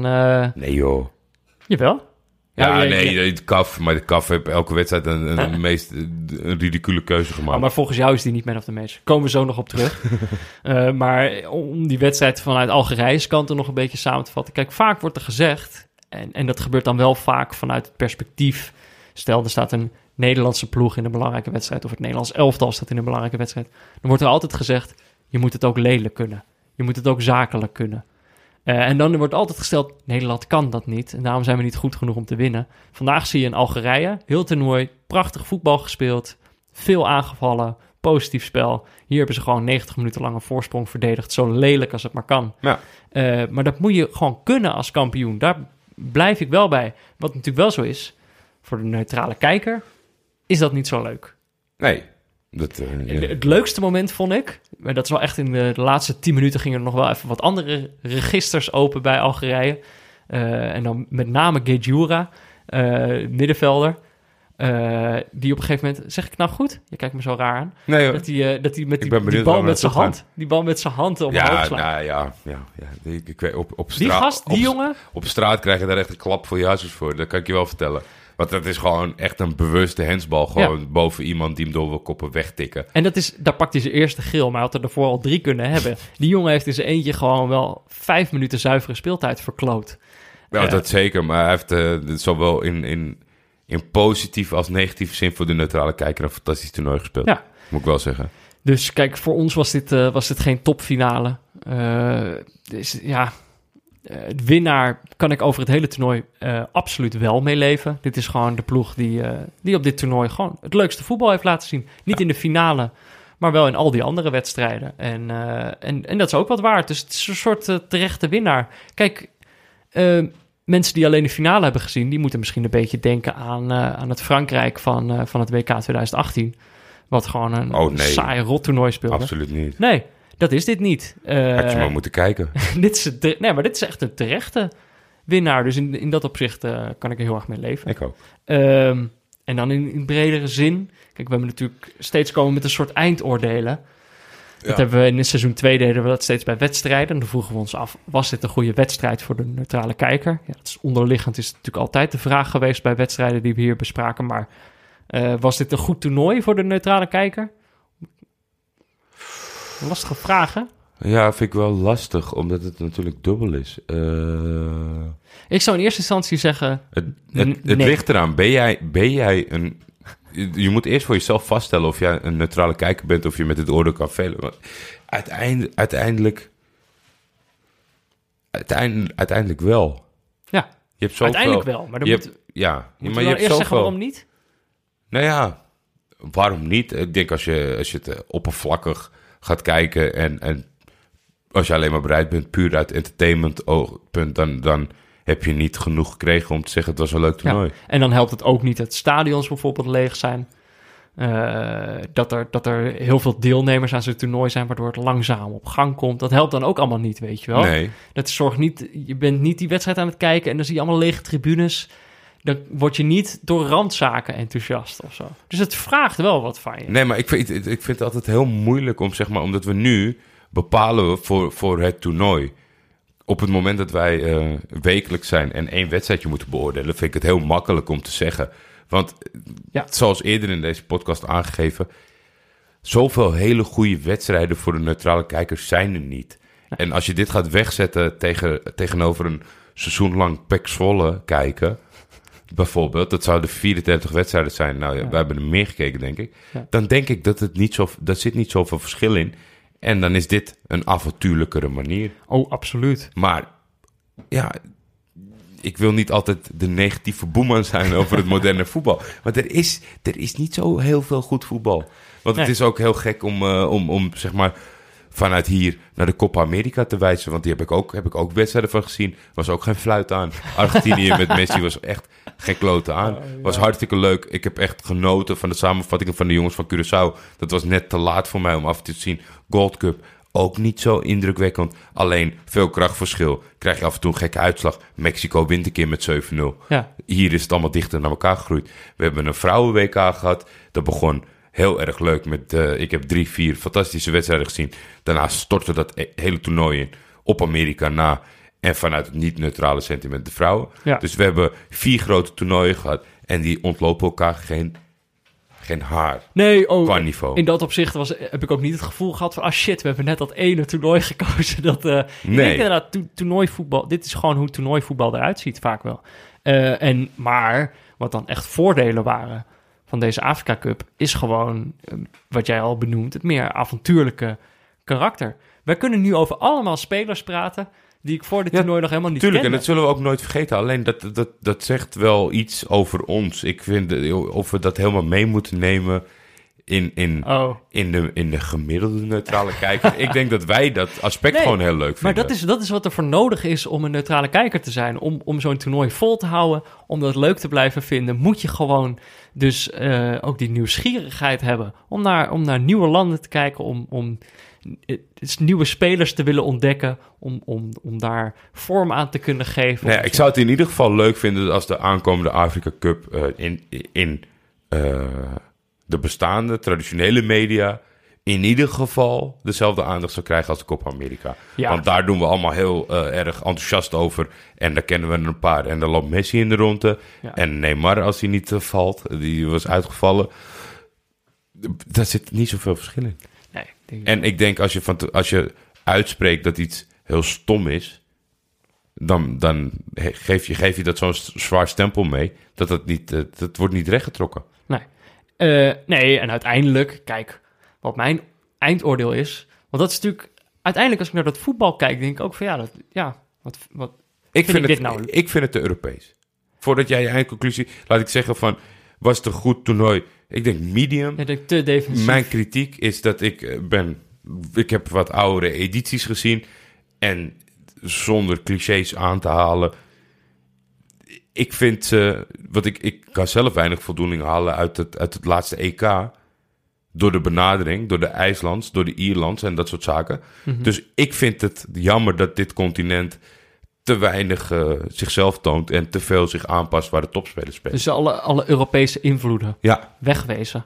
wegwezen. Oké. Vind ik, vind ik een mijn continent uit. dat vind ik, vind ik een mooi eindoordeel. Ik wil eigenlijk al, al, al op, op een iets ander niveau erover praten. Dat uiteindelijk wat, wat zo'n toernooi gewoon zo leuk maakt, is dat, eh, dat, wij hier dat wij hier dan samen hier die podcast over kunnen maken. En dat er gewoon allemaal mensen zijn die luisteren, die ook allemaal aan het meedenken zijn. En eh, af en toe, want ik bedoel, we zijn een beetje gemeen aan het doen van niemand kijkt. Maar we hebben ook zat mailtjes gehad van mensen die gewoon wel aan het kijken waren. En die- dat je weet dat je dat aan het delen bent. Dat je samen gewoon naar een niet zo heel goede wedstrijd aan het kijken bent. Maar dat je daar toch een zekere lol in weet te vinden. En ik denk, ja, dat is, dat is wat het neutrale kijken is. Ja, maar nu geef je onze podcast een compliment in plaats van de Afrika Cup. Wat? Dat is nee, toch... ik geef eigenlijk onze luisteraars een compliment. Nee, ja, ja, tuurlijk. Ja, jawel, de, zeker de luisteraars en Oh, de ja. interactie met ons. Maar dit, kijk, dan maakt het dus niet uit wat je kijkt. Met wat jij zegt. Want die mensen zijn nou eenmaal zo leuk. En die zijn bereidwillig om stomme, misschien- stomme potjes Misschien te is, kijken. misschien is mijn oordeel dat dan wel, dat het toch niet uitmaakt dat we kijken. nee, maar ik vond uiteindelijk, eh, vond, vond ik, ik snap, ik snap wel wat jij zegt, dat er wel te veel Europese invloeden waren of zo. Maar nou ja, wat ik eerder al zei, ik heb gewoon heel veel nieuwe, nieuwe spelers gezien. Ik heb gewoon een gevoel bij het nationale elftal van Madagaskar. Dat gevoel had ik voor dit toernooi helemaal niet. Nee. Ik heb een gevoel bij het nationale elftal van Benin. Dat had ik hiervoor helemaal niet. Nou, dat vind ik echt voorbeelden. De, Als jij eh, de laatste vergeten. man van eh, Tanzania over straat ziet, dan loop je een blokje om. Ja. ja, maar gewoon voordat dat, hij je Achillespees bijt. dat ik hierom moet lachen. Alleen al vind ik daarom, dat maakt zo'n heel toernooi al de, De moeite waard. Absoluut. dus dat, eh, dat is gewoon leuk. Kijk, en eh, deel waar natuurlijk ook de luisteraarsparticipatie in zat, was dat we steeds scoutingsrapporten vroegen. En daardoor kon je steeds zien, ja, mensen zitten ook die wedstrijden te kijken. Toen zaten waar. wij een wedstrijd te kijken, was de scheidsrechter heel slecht. Stuurde iemand een scoutingsrapport in van de scheidsrechter. Ja, wij lachen. Weet je wel, dan ben je dat met elkaar een beetje, eh, ben je elkaar er doorheen aan het slepen. Dat is dan leuk. Ehm, en dat was natuurlijk, kijk, die scoutingsrapporten. Je was zo lang aan het woord, mijn laptop is uitgevallen. Is Ik moest op, enter, moest op enter drukken. mijn screensaver ging aan. Wat heb je als screensaver? Die buizen van Windows 98. Nee, Oh, was het maar zo. was het maar zo, ja. Ik had me niks verbaasd hoor. Had ik wel een leuke keuze gevonden. Oh, zo. Oh, Ehm scoutingsrapporten hadden we het over. Scouto. Ja, en dan moet je dan in de finale moet je, moet je nog een speler gaan scouten. Dat, eh, dat, dat gaan we natuurlijk ook niet vragen van onze luisteraars. Dus we dachten we... Eigenlijk wat we zouden doen... was man of the match kiezen van de finale. Ja, Maar ja, dus dan krijg je zo'n finale... die eigenlijk na anderhalve minuut al, al geen eerlijke strijd meer is. Of eerlijk. Al niet echt meer een eh, fatsoenlijke wedstrijd is. Ja, wat moet je daar dan nog... eh, wat moet je daar dan nog over zeggen? Dus eigenlijk eh, moeten we daarom misschien eerder spelen van het toernooi kiezen. Dat is misschien netter, toch? Om, om dan toch het toernooi een beetje af te ronden. We kregen nog wel een berichtje. We hadden eerder natuurlijk bedacht. We kiezen nu steeds een man of the match. En dan hadden wij bedacht, krijgt hij een man of the match award. En Mhm. nog- moest dan met een skibox op de foto of met een ruitenwisser. Omdat meestal die man of, man of the match awards, die worden dan gesponsord door een of ander stom, stom bedrijf. En ja. moet iemand op de foto met een bierfles. En maar wij zeiden ook, omdat het door Auto.nl wordt gesponsord, ja, dan moet hij misschien op de foto met een autoband. Daar kregen we wel een berichtje over eh, dat dat in een bepaalde eh, Afrikaanse landen eh, serieus gevoelig kan liggen. Dus mochten we dit niet alleen in onze fantasie willen uitvoeren, maar ook in de, in de praktijk, dan kunnen we beter geen autoband doen. Nee, klopt. Bijvoorbeeld in Zuid-Afrika heeft dat een gevoelige geschiedenis met, de, met de, de, de spanningen die daar geweest zijn en de manier waarop bepaalde executies werden uitgevoerd. Eh, en daar willen wij natuurlijk we, verre van we blijven. hebben wel eens leukere mails gehad, Ja. maar dat was wel een belangrijk ja, mailtje. precies. Nee, ja, precies. Want dat is natuurlijk typisch een maar van de dingen aan de waar je andere voorafgaat. kant... Maar ja, maar voorafgaand aan de Afrika Cup zijn dat typisch van die dingen. Dat je natuurlijk gewoon wel wil denken van ja, we willen niet als, als twee van die lollige jokers door zo'n toernooi heen rausen zonder oog te hebben voor de gevoeligheden binnen zo'n bepaalde continent landen. heen banjeren Ja, met onze onwetendheid. Nee, ik noemde het begin. Ik wilde niet dat het de kuifje in Afrika Cup zou worden. Nou ja, dan vond ik dit. Kijk, ik denk niet dat ze, dat ze deze autobandmoorden in, eh, in, in de kuifje hebben staan. Maar dat Nee. zijn typisch van die gevoeligheden waar, waar je gewoon geen zicht voor hebt. En dan is het fijn dat iemand als Arnold Jong dat even kan mailen. Ja. Toch? Ja, dus eh, Dus Kijk, toch weer een skibox. ik, ik opper de ruitenwisser. Ja. Ik vind dat is altijd een veilige keuze. Ik, in hopen dat het ongevoelig Ik denk dat ze daar ook minder gebruikt worden dan hier. Dus dan kan je ze beter gewoon Hm. uitdelen. Ja, ruitenwisser. Ja, dus met de ruitenwisser, maar dan moeten we nog wel kiezen. Spelen van het toernooi, zijn we het erover eens? Wie krijgt die ruitenwisser dan? Weet ik eigenlijk niet. we hebben dit niet Zo eh, voorbereid. aftellen, aftellen en allebei een naam noemen? Eh, ik denk dat we het erover eens zijn. Want, maar... maar Eh, ik, ik ben zijn naam even kwijt. Oh nee, wel. Ik weet Ja? wel. Ja, oké. doen we alleen zijn achternaam? Eh, ja, Oké, oké. dus 3, 2, 1. Ben Ben. Kijk. Ja, toch wel. Ja, eh, Centrale verdediger van Algerije. Jamel Edine Ben Belambri. Ging nog ehm, gutsend van het bloed van het veld af in deze wedstrijd. Dat was ook weer een partijtje amateurtheater van die Algerijnen. Mané loopt gewoon rechtdoor. Die gozer kop met zijn wang op zijn hoofd. Ja. Het bloed gutst eruit. Hij ging ook pas gillen toen hij het bloed zag. Ja. Dat eh, schijnt een eh, kinderlijk reflex te zijn, vertelde jij mij. Eh, ja, kinderen gaan pas huilen als ze zien dat ze bloeden. Toch? Maar dat zie je echt, gewoon die dramatiek. En dan zie ik Feguli met me echt gewoon smeekbeden naar die scheidsrechter. Ja, maar kijk dan, het gutst uit zijn wang. Ja, maar dat maar nee, heeft heeft iets verschrikkelijks gedaan. Hij had een mes. Terwijl zijn hoofd was gewoon daar in de buurt. Ja, Dus dat was jup, gewoon een ongelukkige, ook, samenloop van Hij ging het, omstandigheden. het veld ook niet uit. Werd hij binnen de lijnen behandeld. Zeg maar, Algerije had toen alweer alle ja. registers opengetrokken. En hij maar kwam terug het veld in. Goede plakplaat Precies. op zijn wang. we hebben het over deze speler. Gedurende dit hele toernooi hebben natuurlijk de aanvalletjes van, eh, van Algerije de aandacht getrokken. Bounedja, Ounas, eh Mares, eh Belaili. Eh, Feguli, eh, Benacer. Ja, Benacer erachter. Ik bedoel, al die jongens Zelfs de hebben de aandacht verdediger, er was een aanvaller, dat al. Ja, maar er stond achterin een één rots die ervoor heeft gezorgd dat, Ja. eh, dat dit elftal stevig overeind bleef. Ook, ja, het- ook echt wel gewoon een, te- een terechte, naam, zeg maar, om hem de rots te noemen. Want hij stond er elke wedstrijd, hij stond er de hele wedstrijd. ja. Hij ziet er niet, het is super bewegelijk uit. Het is een beetje, een beetje traditioneel, een beetje ouderwets. Maar hij deed, hij deed wat hij moest doen. ja, Geboren in Algiers, inmiddels 29. In de jeugdopleiding van. Hus- Hussein D. 29 valt me nog wel mee om, de mensen een beeld te geven. Als je 36 zou zeggen, zou ik het ook geloven. Ja, dat dit zijn laatste kuntje was, had Ja. je het ook geloofd. maar die Nooit, wel een paar eh, nooit in Europa gevoetbald. Van, eh, Hij ging vanuit de jeugdopleiding van IR Hussein D naar NA Hussein D. Dat is een heel gevoelige overstap. Ja, ja, daar moet je een beetje daar, eh, oppassen. daar heeft hij een tijdje voor ondergedoken gezeten. En toen ging hij naar Kabili en toen naar Setif. En eh, de laatste twee, drie jaar verdient hij zijn brood bij Al-Shabaab. in de Saoedische competitie. Volgens mij Al-Shabaab heb ook een, een van de twee de boers gezeten. Denk dat, Frank. dat heb ik niet helemaal paraat. Maar kijk, dit is dus ook weer een voorbeeld. Ben Lamri, die speler, had ik nooit gekend als ik niet deze Afrika Cup had gekeken. Toch? Dus dat zijn... En, en nu, nu heb ik een, eh, een, een, een, een gevoel, Een rots in je hoofd. een rots in mijn hoofd. Ja, maar dit was, kijk... eh, Die andere was We hadden het eerder over die- Het was, het, was, het was een slecht duo wat dat betreft. Eentje was om te haten en eentje was om van te houden. ja, die Ben Sebaini. Ja, Ja, nee, eh, Ben Lamri was de, was de leuke. ja. Eh, of de, nou, niet de leuke, de, de eerlijke. De eerlijke. De eerlijke. De Mooie eerlijke bijnaam. rots. De eerlijke rots. Ben Lamri, de eerlijke. Ja, het Scouto moeten invullen. Werd natuurlijk wel, ja, om het dan af te ronden. Dit, eh, dit segment werd natuurlijk gedurende het hele toernooi gesponsord door Auto.nl. Onze, Prachtige firma. onze lievelingssponsor ook, mag ik wel zeggen. Ja. Ehm, en eh, ja, zij hadden natuurlijk naast dat ze die scoutingsformulieren en deze Man of the Match Award sponsorden, hadden zij ook een deal. En dat was eigenlijk voor iedere auto die gedurende dit toernooi en wat was het, vijf jaar daarna? Eh, Zes. We zijn uiteindelijk uitgekomen op negen. Negen jaar. Ehm, via auto.nl slash neutrale kijkers wordt verkocht of geprivate leased. Ja. Ehm, dan gaat er 100 euro, doet auto.nl dan in de pot. In een potje. in een potje. En eh, van wat er uiteindelijk allemaal in dat potje zit, gaan wij dan naar de ideale neutrale kijkerswedstrijd. Eh, ja, die moeten we nog steeds een beetje bepalen. Nog niet echt gekozen. Ik, eh, ik, ik had wel oren naar een wedstrijdje van de Spelersvakbond, maar dat heeft Jordi eh, hard afgeschoten. Gaan we niet doen. Nee. Eh, Benin. Benin. Is muziek geweest. eh, vind, ik wel, vind ik wel lastig. Hebben we natuurlijk een beetje teleurgesteld tijdens dit toernooi. Je hebt heel veel eh, geopperd om naar Almere te gaan. Ik heb Almere geen City. idee waarom. Almere City. Ja, Is toch leuk? nee. Oh. Ja, ze hebben wel Thomas Verheid gekocht, zag ik. Dat vind ik wel leuk om te zien. Is Ja. dat die jongen van Eagles? Ja, dat is die hele grote spits van de Eagles. ja, dat is...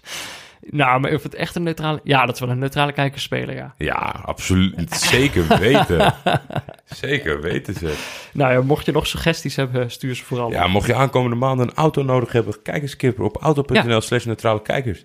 Ja, en... eh, We zeggen dit niet voor de katse kut, hè? nee, Het is gewoon echt een, eh, een hartstikke leuk bedrijf. Met hele mooie auto's. prachtige auto's. Je kan het zo gek niet bedenken. ik, heb, ik heb niet, elders niet zulke mooie auto's gezien. Nee, het zijn de mooiste auto's die ik ooit heb gezien. Als het stel, het zijn twee dezelfde auto's, dan is die van auto.nl mooier. Ja, absoluut. Absoluut. Ehm, er is natuurlijk nog één ding. Er is nog één iemand nog mooier. Nou, en dit is echt... eh, hier, hier hebben we natuurlijk ook... Jullie zien dit niet, maar wij geven nu een staande ovatie. We hebben natuurlijk eh, eh, dit hele seizoen 3 van Neutrale Kijkers... Hebben we, hebben we toegeleefd naar... Toch wel naar de finale van de Afrika Cup. We wisten aan het begin, toen we begonnen, wisten we al 19 juli finale Afrika Cup. Maar wat we ook wisten, 19 nog juli een finale. nog een finale. De, de laatste finish van de avondvierdaagse. Eh, nee, de wandelvierdaagse. Wandel. Eh Nijmeegse wandelvierdaagse. En wie doet daar mee? Natuurlijk niemand minder dan Pieter Zwart. Die heeft ons dit hele seizoen updates gegeven over wandelen. Hoe doe je dat eigenlijk? Je eh, doe je dan eerst je rechtervoet of eerst je linkervoet? Dat soort dingen heeft hij allemaal uitgelegd. Is dat een soort wandelgoeroe wel Ja, geworden? ik, ik verwacht ook wel enkele maanden voordat de nieuwe wandeleditie start... Dat, dat er ineens weer mensen gaan luisteren naar deze podcast. Ja, Omdat het getipt wordt ergens. Want, weet je wat het is met de goeroe? Die op tv en in documentaires... dan zijn het allemaal van die gasten die lekker lullen... maar zelfs nooit wat laten zien. ja. En wie had vanmiddag een medailletje? Pieter, jij bent het alweer aan het verraden. Oh, sorry. We moeten eerst nog één ander ding rechtzetten. Wat dan? We hebben in die vorige podcast, ging jij, omdat jij een app hebt waar je live de locatie van Pieter Zwart kunt checken. Toen eh, kwam jij erachter dat terwijl wij die podcast zaten op te nemen, Pieter niet in zijn bed lag, maar in het café zat. Dus wij eh, allemaal, oh, Pieter is overmoedig, weet je wel. Meneer is halverwege en, eh, en gaat meteen in het café. Maar wat bleek nou? Eh, Pieter luistert ook, dat bleek onder andere. Maar hij gaf ook even een update. Hij zei, ja, ik, ik zit niet in dat café, ik slaap ernaast. En dat ja, is dus maar ja, ja zo lustig Zou ik ook zeggen. Ja, precies. Zou ik ook Ik zeggen. zag dat poppetje eh, bewegen als Seredier die een penalty nam. Je, zag, de- je zag die hossend. Je zag hem hossend door dat café Ik weet, gaan. ik weet niet hoe Pieter Zwart slaapt, maar het is heel, eh, heel erg eh, alsof, je, alsof je op een boot lag. Eh, maar ja, goed, dat was zijn verdediging. Toch om, om daar in ieder geval... eh, eh, Hij is heel erg bezig met zijn imago de laatste tijd. hè? precies, dat blijkt toch wel. Maar inderdaad, dan is de vraag, is hij gefinished? Toen kregen wij vanochtend een update. Kijk een pressing. Kijk een pressing.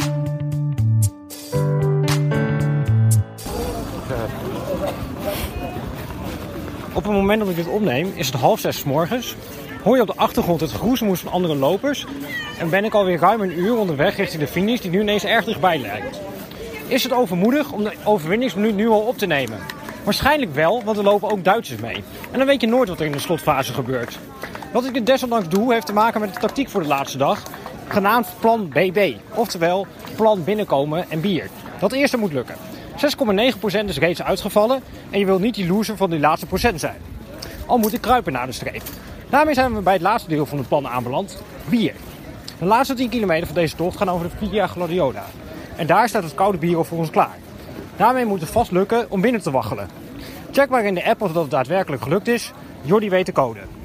Kijk een pressing. Kijk een pressing. Nou ja, en toen wisten we dus alsnog niks. Wisten we niet of hij wel zou finishen. Hij ging tijdens het lopen al heel overmoedig. Ja, weer. Even even praten. Weet je, gewoon energie verspillen aan zo'n minuutje. Maar ik vind als je het waar maakt, dan, dan is de attitude, eh, vind ik oké. Ja, later op de middag kregen wij inderdaad een berichtje. Wie had een eh, medailletje? Ja. Prachtige foto's voorbij zien komen. Pieter Zwart, Waarschijnlijk nu eh, dronken aan het tobben op, een, Ja, op, een, op een plein in Nijmegen. eh spreekkoren, denk Ja. ik. Die is de gegenpressing jingle aan het lallen over straat. Eh, maar dat hij het gehaald heeft, is natuurlijk fantastisch. Toch? En dat wij deelgenoot zijn geweest van die ontwikkeling. Dat vind ik mooi. We hebben echt een andere kant van Pieter Zwart gezien. Ja. Denk ik Blij dat je dat met ons wilde delen, Pieter. Ja, Enorm van genoten. En met onze Dank luisteraars natuurlijk. Ja, zeker.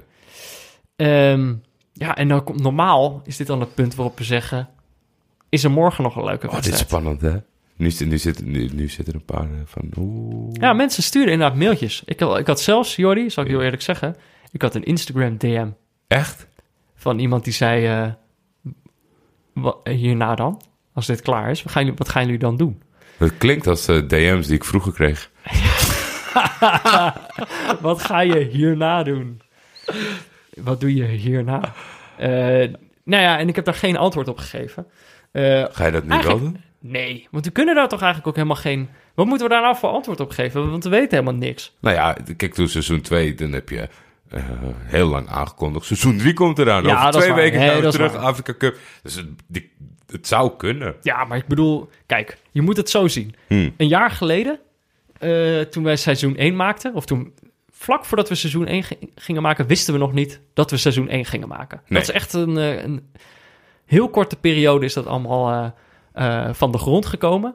Tijdens de laatste aflevering van dat eerste seizoen wisten wij ook nog niet dat we een tweede seizoen gingen maken. Laat staan dat we wisten dat we het derde seizoen over de Afrika Cup zouden maken, een jaar later. Nee. Dus eh, kijk, in die zin, we weten nu niks, maar dat betekent niet dat er niks komt. Toch? Ja, ik weet niet. Ja, ja, Jij wil dan liever teasen. Jij wilt toch weer nou ja, mysterieuzer nee, maken. ja, weet ik niet. Weet ik niet. Ik denk, ja, misschien, misschien kunnen we beter niks zeggen dan, dan, Ja, joh, dan, dan kan de niet suggestie wekken dat, dat, er, dat er misschien wat komt. Nee, maar ik bedoel, ik, nee, maar ik zal niet de suggestie werken dat er iets komt. Ik zeg alleen maar, je weet het niet. Nee, oh nee, Want dat wij weten waar. het zelf ook. Nee. weten het zelf niet eens. Maar dat betekent niet dat er sowieso niets komt.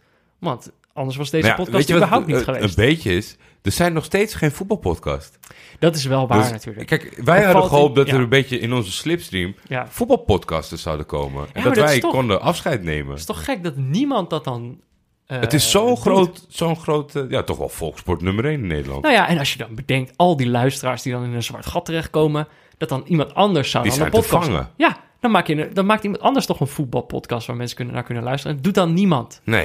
Vind ik heel vreemd. Dus ja, ik- we hebben nog... de- Kijk, het is natuurlijk wel... Het Eredivisie-seizoen gaat bijna beginnen. De Europese seizoenen beginnen bijna. Dus wie weet stappen er wat mensen in. Waardoor dat als wij, nog andere podcasts als wij denken van, oké, playing field is there. Ja, ja, maar kijk, weet je, we kunnen in, dat is uiteindelijk is het antwoord, we kunnen gewoon niks beloven. Nee. Toch? Maar ik, ik, ik sta ook wel op. Kijk, we hebben, ik heb al eerder gezegd, wij zijn weg zometeen. Maar de mailbox staat open. Ja. En kom, kom daar. Ik zou het ook niet erg vinden om met jou neutraal een film te kijken. Kijk, de mensen, de mensen plakken op ons elk, elk affiche, elk, Ja. elk uitstapje wat je maakt is neutrale dit, neutrale dat. Ja, neutrale, lopers. neutrale lezers, Ja. neutrale kijkers. Dus ja, ik, eh, ik weet Ah, joh, niet. je kan het zo gek niet bedenken. Ik heb zoveel voetbal met jou gezien. Ik weet misschien... eh, Misschien, misschien zijn we wel even klaar. nou, dat sowieso. Toch? Ik bedoel, mogen we heel even, even niks doen? Toch? Nee, Eh, maar toernooi? resume, het eerlijke is, wij weten het niet. Ja. Dus jullie ook niet. Dus jullie ook niet. Maar het zou We zijn helpen. altijd welkom op het Laat ik, prikbord. laat ik zeggen, het, het, het, het helpt altijd door te zeggen van... zou het wel leuk vinden als je terugkeert. Nou, Dan moet je dat gewoon, gewoon, gewoon tweeten. Ik zou het wel leuk vinden als jullie terugkeren. Dat, dat... Gaan wij ze tellen? Ja, en als er genoeg zijn... Ja, nee, maar kijk... Maar het is ook gewoon een geldkwestie natuurlijk. Wat, eh, ja, het- eigenlijk is het een pure geldkwestie. Daar Het, zit er eigenlijk nu 10 minuten. Het is een geldkwestie. Kijk, we kunnen het niet meer maken voor dit hongerloon. Tim en Anne zijn ons echt. eh, die, die, die, eh, die moeten er wat strakker op zitten. Ja, man. Die zijn druk, joh. Ja. Maar het is... Ik wou nog wat anders zeggen. Kijk, als je nou echt het zwarte gat echt zo voelt... Ja. dat was natuurlijk... eh, vorig jaar hebben we dat ook gehad na dat WK. Dat is ook een enorm zwart gat. Mhm. Maar wat we toen heel erg hebben gestimuleerd... is dat mensen elkaar zouden opvangen. Want we zitten allemaal in hetzelfde zwarte gat. Dus dan kunnen we elkaar toch een beetje helpen. Dus weet je wel, deel het vooral. Ja. Krop het niet op, het zwarte gat. Nee, ik ben, maar ik ben nu vader, dus ik weet niet of ik dat sentimenteel nog ha- handle. Als ik zie dat mensen. Als ik laatst die Herwin, die pi- zijn pilly beschikbaar zie stellen. Als hij de tweede zou winnen, nou dan sta ik altijd Tranen. jank in ja, de hoek, jongen. ik zie het, ik zie het. En voor de rest, eh, ja, dit zijn natuurlijk ook gewoon. eh, Terwijl Fik is, is toch wel... eh, nou, die is alles behalve sentimenteel. nee, precies. Dat is een heel... eh, een, een kille man. En voor de, ja, mocht je echt in een zwart... eh, Qua podcast is er natuurlijk eh, Without Fail, Reply All. Oh ja, Ken je dat? Zie je zit gewoon nou tips eh, te geven. Ja. Kan- hey, trouwens... Oké, ik ga nu de aftiteling doen. Oké. Dan was dit seizoen 3 van Neutrale Kijkers. Maar, kijk, er is natuurlijk altijd... Na de aftiteling is er altijd een, een blokje voor de harde kern. De harde, echte harde kern weet dat natuurlijk al. Maar nu hebben we nog iets in dat blokje zitten. Dat vind ik wel leuk. Ja. Daar moeten mensen wel even voor blijven, denk ik. Ik denk eh, dat... eh, ja, het, is eigenlijk, het is echt belachelijk, maar Dit eigenlijk is het hebben we dit... summum van dit seizoen, eigenlijk. Ja, ook wel. Maar ergens... Ik denk dat iedereen het kan waarderen, maar een soort van zijn we voor het karretje gespannen door één luisteraar. Want die is wel echt... Bart Vriends bedoel jij? Ja, die is wel echt, echt mega ultra bezig geweest om deze jongen eh, een podium te geven binnen ons. Kijk, Ja, wij het hebben hem is graag gezien. Maar het is je gelukt, Ja. Bart. Gefeliciteerd. Oké, dan ga ik nu, eh, dan ga ik nu afkondigen. Dit was eh, seizoen 3 van Neutrale Kijkers. Natuurlijk eh, mede mogelijk gemaakt door Dag en Nacht Media. Gesponsord door Auto.nl dit seizoen. Veel dank natuurlijk aan Barry Pirovano voor de illustratie. Ik heb nu dit shirt heb ik trouwens aan. Mooi. Ik heb de merch, merch aangetrokken. Pure merch. Pure merch. Marketingmachine ben ik, hè? Prachtig. Je hebt, het, je, hebt, je, hebt het mij, eh, je hebt het zelfs aan mij kunnen slijten. Nou, dan weet je het wel. Eh Laurens Collet natuurlijk bedankt voor deze muziek. De Ja. tune waar je nu naar zit te luisteren. Dat is prachtig. Er is ook allemaal veel te kort van tevoren heeft hij dat allemaal nog, eh, nog zitten maken. Volgens mij echt letterlijk de zondag voor de eerste aflevering. was ja, dat is wel een beetje waar, waar onze kwaliteit ligt, toch? ja, het laatste moment. En natuurlijk dank aan Voetbalpools met OU voor de, voor de pool. We hadden, we hadden niet zo'n warm bad kunnen verwachten qua pool, denk ik. Beste pool ter wereld. Eh, mooi prikbordje. Ik hoop dat het prikbord ook blijft bestaan, want de pool is natuurlijk op een gegeven moment Ik klaar. denk, ja, ik weet niet hoe dat in zijn werking gaat, maar dat, dat kunnen die jongens misschien wel regelen. Dat dat deze, gro- deze groep bij elkaar blijft om gewoon de eredivisie of zo te voorspellen. Dat kan wel. Ik kan vast- loggen wij toch af en toe wel eens in. Ja. Dat, dat ze nog met elkaar kunnen blijven kletsen op het prikbord. Ja, en gewoon lekker kunnen blijven voorspellen en op, Ja. op Twitter delen. Ehm, ja, mocht je dus echt diep in het zwarte gat zitten en dat willen delen, dan kan je dat natuurlijk eh, ook doen op Twitter. Je kan een berichtje sturen naar Jody of mij, dat is @defef of @buurtvader of natuurlijk de hashtag Maar neutrale kijkers. afgesproken na het toernooi. Klaar. Dan mogen ze die besturen. hashtag zwarte gat, doe er ook maar bij. Hashtag het zwarte gat. Ja. Eh, De ook? de zwarte gat. Ja? Hashtag de zwarte gat, Ja. dat wordt hem. Ja. Hashtag neutrale kijkers, hashtag de zwarte gat. Eh, je kan ook eh, mailen natuurlijk naar neutralekijkers.gmail.com. Die mailbox blijft eh, Oh, dat zo altijd lui, open. We zouden over, ik zou dat doen om mensen te Wat? vragen voor recensie. Ja, Niet weer een tweet, eh, geen tweetje van gemaakt. maar dat kunnen we toch morgen doen dan? Oh man. Ja, het is wel een mooi moment. Afgesloten Ja. en dan nog even die vijf sterren Nou, hebben wij een heel seizoen gemaakt, dan moeten jullie vijf Dat is het sterren enige wat jullie terug hoeven te doen. Eh, ja, dus inderdaad, laat gewoon even een, recensie, een recensietje achter in de podcast-app. Ja, eh, hier staat dan nog iets in het script, omdat het er elke dag staat. Ja, dat hoeven we nu niet uit te spreken. Dus dan eh, maak ik gebruik van om Lot en Vic te bedanken. Oh. Jordi, dan wil ik graag, ik wil graag jou bedanken Ik wil jou ook bedanken. voor, voor, dit, voor dit heerlijke seizoen. Voordat je een jaar geleden met min 7 wilde gaan. Ik vond echt dat ik dit, dit dat ik tijdens seizoen 1 niet durfde dromen dat het huis af zou komen en dat we dan uiteindelijk in dat huis. Een podcast zouden opnemen. Ja, dat is toch fantastisch. Ben ik het mee eens. Dat is eh, dat had ik niet durven dromen. Ehm, maar dan hebben we inderdaad nog een paar dingetjes. Nou ja, waaronder eh, inspector Sam van Raalte. Ja, Kom er maar in, meneer. die heeft natuurlijk eerder voor ons eh, Jean Morelli gevonden. Speler van eh, Levadia uit Tallinn. En nu inderdaad Bart Vriends, we hadden het net over hem. Die, eh, die vroeg de hele tijd naar één speler. En eh, ja, kijk, als iemand hem kan vinden. Een speler, een speler van Madagaskar. Heel het toernooi niet ingevallen. Maar valt wel op. Prachtige naam heeft hij. Romario Baggio heet hij. Ja, En dan is er toch één iemand die hem kan vinden. tuurlijk. Hey Jordi en Peter. Eh, een paar dagen geleden kreeg ik een mention op Twitter van eh, Jordi. Ehm, hij tagde mij in een draadje van een van jullie luisteraars. Eh, Bart Vriends heet die jongen. Ehm, en die stelde voor dat eh, Romario Baggio, die bij Madagaskar speelde deze Afrika Cup, of eigenlijk niet speelde, maar goed, die daar in de selectie zat, eh, ook nog even aan de tand gevoeld kon worden in jullie podcast. Zoals ik dat een tijdje geleden ook bij Joao Morelli heb gedaan voor jullie, die, die jonge Braziliaan die via Middlesbrough in Estland was beland. Ehm, en dat vind ik eigenlijk wel geinig. Dus eh, ik heb geprobeerd om Romario Baggio te pakken te krijgen. En daarbij hebben we een beetje mazzel. Trevor Wagener is een voormalig stagiair van mij. En hij heeft laatst nog een verhaal voor ons gemaakt bij Vice Sports. En dat ging over eh, Vincent van Dorp. Ehm, en hij is een fysiotherapeut. En dat is hij in Madagaskar voor eh, de club Fosa Juniors. Jullie misschien wel bekend, want ze hebben ook een Nederlandse hoofdtrainer. En wie speelt er bij Fosa Juniors? Uiteraard eh, Romario Baggio. Ik had Trevor gevraagd eh, of hij het nummer van Vincent even door kon sturen. Vervolgens even contact met Vincent gehad. Eh, en die heeft weer voorgesteld bij de club Fosa Juniors of hij het telefoonnummer van Romario Baggio mocht krijgen, zodat hij die naar ons kon sturen. En dat heeft hij gedaan, dus Trevor en Vincent allebei hartstikke bedankt. Ik heb het telefoonnummer van Romario Baggio gekregen en ik heb hem opgebeld.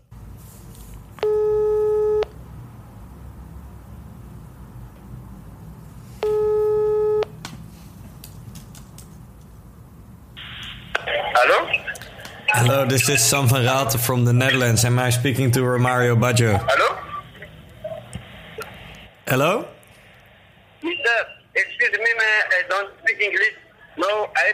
Madagascar. Yes, yes. Yeah. Ah, you do speak English a bit? No, small, small, small. Yeah.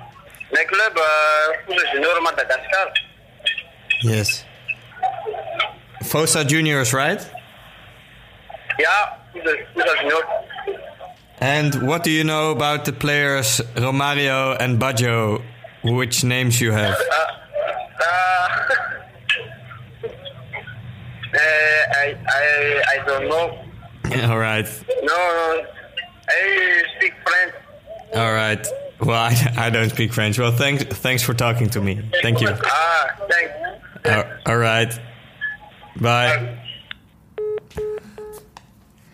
Tja, en dus tot zover dit zeer teleurstellende gesprek met Romario Baggio. Eh, mijn Frans is fucking slecht. Eh, ik heb een supergoede lerares Frans gehad op de middelbare school. Maar ik heb kennelijk niet goed genoeg geluisterd, want er is echt helemaal niks blijven hangen. Ehm, en helaas kon Romario Baggio dus ook eh, nauwelijks Engels. Ehm, wat voor speler hij nou precies is, ik weet het nog steeds niet. Maar we weten in ieder geval een klein beetje hoe hij klinkt. En we kunnen voor altijd zeggen dat de enige echte Romario Baggio te horen is geweest in de podcast Neutrale Kijkers. Oké, dit was hem weer voor mij, jongens. Eh, mochten jullie nog een keer zo iemand eh, op willen sporen, dan weten jullie me te vinden Eh, later. Ja, dit is dus, dit, dit, dit bedoelde ik met het summum van het toernooi. Ja, Toch? Dat je, je, je, je, je krijgt iemand te spreken, maar ook weer niet. maar je verstaat elkaar niet. Dat is... Dat, dat was dit toernooi. Dat is... ik wil daar verder geen woorden aan vuil maken. Nou, misschien nog één mail aan vuil maken dan? Moeten we er een mailtje aan vuil maken? Ja. Nou, je bent zo hard om zitten lachen. ja We kregen, een, we, hebben, we kregen wat mailtjes, maar we kregen... Op een gegeven mail- moment was daar Robin Brouwer. En wij zaten op de bank.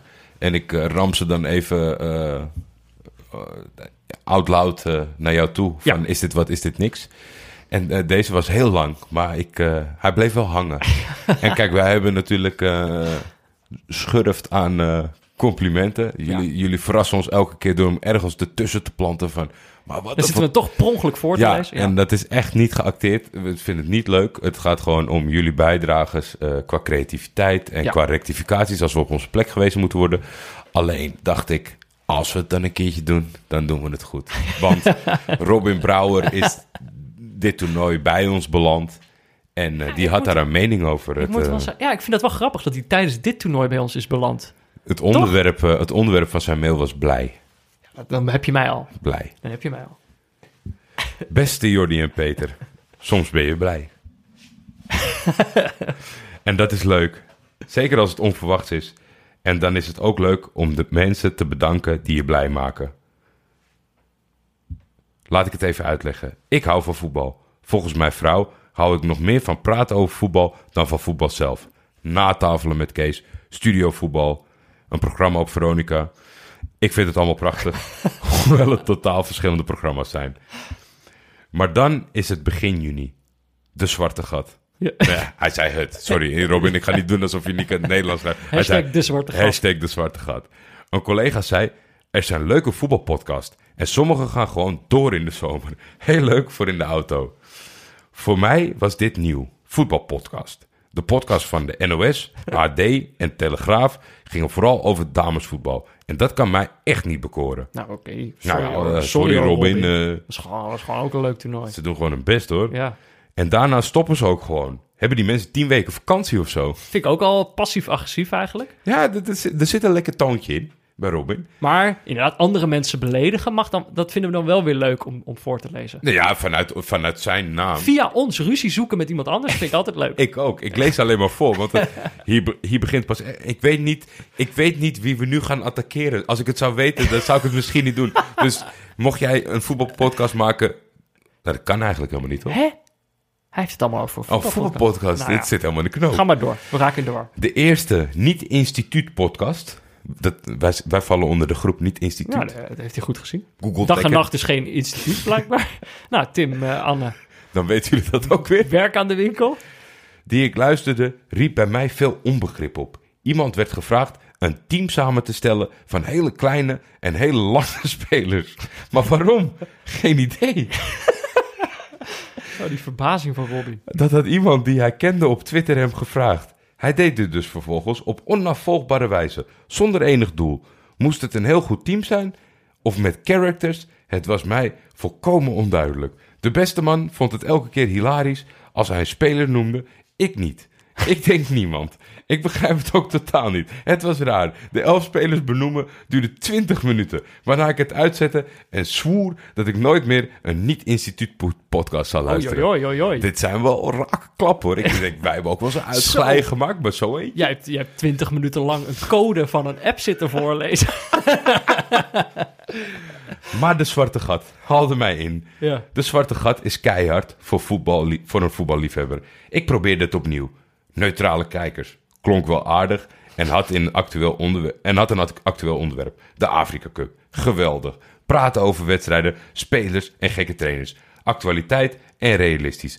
Dat had ik nodig. Nou, Robin, wel- welkom. maar dan begint de mail pas, toch? Ik, ik kan niet zo goed zonder mijn muis scrollen, merk je dat? Dan schiet hij zo naar beneden met die vingers. Er werd geopend met een mooie tune. Graag gedaan. Of dankjewel, Laurens Eh, collega. Laurens Collé, dankjewel voor de tune. En toen begon een jongen te praten, die met veel liefde over het spel sprak. Niet over zichzelf, zoals in die eerste podcast die ik luisterde, maar over het spel. Peter is een jongen die in een groep gorilla's de kleinste is, maar wel die, maar wel die waarmee alle gorilla's knuffelen. Het, het liefste aapje ter wereld. Wat was voor... Nou ja, oké. Peter is blij. Peter vindt veel dingen prachtig. Peter zou in de kroeg binnen 10 seconden mijn beste gesprekspartner van de avond zijn. Jordi, welkom, zei Peter. En toen kwam het. De stem. De stem met een diepte als een echo door menig gebergte. De stem die golfslag in de Bosporus compleet kan doen ontsporen. Jordi. En ook bij hem liefde voor het spel. Praten over Afrikaanse teams, rare coaches, fascinerende wendingen in de wedstrijd. Een prachtige stem waar de afkomst in zit, maar ook een Amsterdams accent. Dat is niet na te doen. In beel- Ik beeld mij Jordi in als een onaantrekkelijke jongen met Nou. de mooiste vriendin van de stad. Nou, wat is dat nou? Simpelweg omdat ze al smelt als hij begint te praten. In de groep gorilla's is Jordi de baas. En de enige waarmee Peter niet knuffelt. Ik zoek verder niks op over jullie, omdat dit beeld prachtig is in mijn hoofd. Jullie podcast heeft mij zomer gemaakt op voetbalgebied. Ik ben jullie grootste fan. En de uitdaging was gigantisch, want alle leuke voetballende teams verlieten al snel het toernooi. Tunesië. De afschuw waarmee jullie erover spraken deelde ik volledig. En afschuw over voetbal is heerlijk. Of het nou Mourinho is, waar je jezelf aan kan ergeren, of Arno Vermeulen. Dat maakt niet uit. Tunesië voldoet compleet aan dit beeld. Heerlijk dat jullie de Afrika Cup hebben gekozen. Is prachtig. Copa America's Messi, Neymar, Suarez, Klemmer. De Afrika Cup is Lars Veldwijk. Toch anders. Meekult. Dramatische scheidsrechters. Krankzinnige wissels. Knotsgek. Over de Afrika Cup praten is fantastisch. Naar de wedstrijden kijken was verschrikkelijk. Diep respect voor jullie. Jullie hebben het volgehouden. Waar alle luisteraars dat niet konden. Dat was het meest hemeltergende. Dit was de meest hemeltergende Afrika Cup ooit. Alles was slechter dan de vorige keer. behalve dat Nigeria derde wordt. Wat een constante gedragslijn is. Het klimaat zal echt niet geholpen hebben. Je mist nu ook het gezeur van clubs dat ze spelers weken kwijt zijn. Jammer, dat was altijd geweldig. Bedankt dat jullie deze keuze hebben ge- he- zo gedurfd hebben gemaakt. En respect met jullie dat jullie het hebben volgehouden. Diepe buiging. Bij de Afrika Cup zal ik voor eeuwig aan jullie denken. In mijn hoofd oreert Peter in kroegen over hoe fantastisch de Afrika Cup is. En is niemand het met hem eens. Maar ze blijven toch luisteren omdat het prachtig is hoe hij het vertelt. En Jordi is de stem van Mufasa in The Lion King. De Afrika Cup leeft voor altijd. Jullie zijn de helden van de voetbalzomer van 2019. En laat niemand jullie iets anders wijsmaken. Nou, Met vriendelijke groet, Robin Brouwer. Ik, ik, bij die gorilla's... Ja, dankjewel. Bij de gorilla's... Wat wil je zeggen, liefste aapje ter wereld? Precies, bij die gorilla's dacht ik nog... Ja, is dit eigenlijk wel een compliment wat je het nu aan het voorlezen bent? Is dit, wat, wat is dit precies? Maar uiteindelijk, ja, nou ja, het is wel een, het is een heel lang compliment. Ik ben helemaal eh, van me apropos. Het is, ja, weet je, ik, het, het, is zo dubbel. Want aan de ene kant is het natuurlijk... Ik heb het niet helemaal voorgelezen, dus ik wist nog niet waar het zou eindigen. Maar kijk, ik vind het mooi dat we dit nooit doen. Maar aan de andere kant is dit toch eigenlijk waarvoor, Dit we, wel- waarvoor we alles doen. We lezen het wel altijd, weet je wel. Dus in die zin is het ook niet van...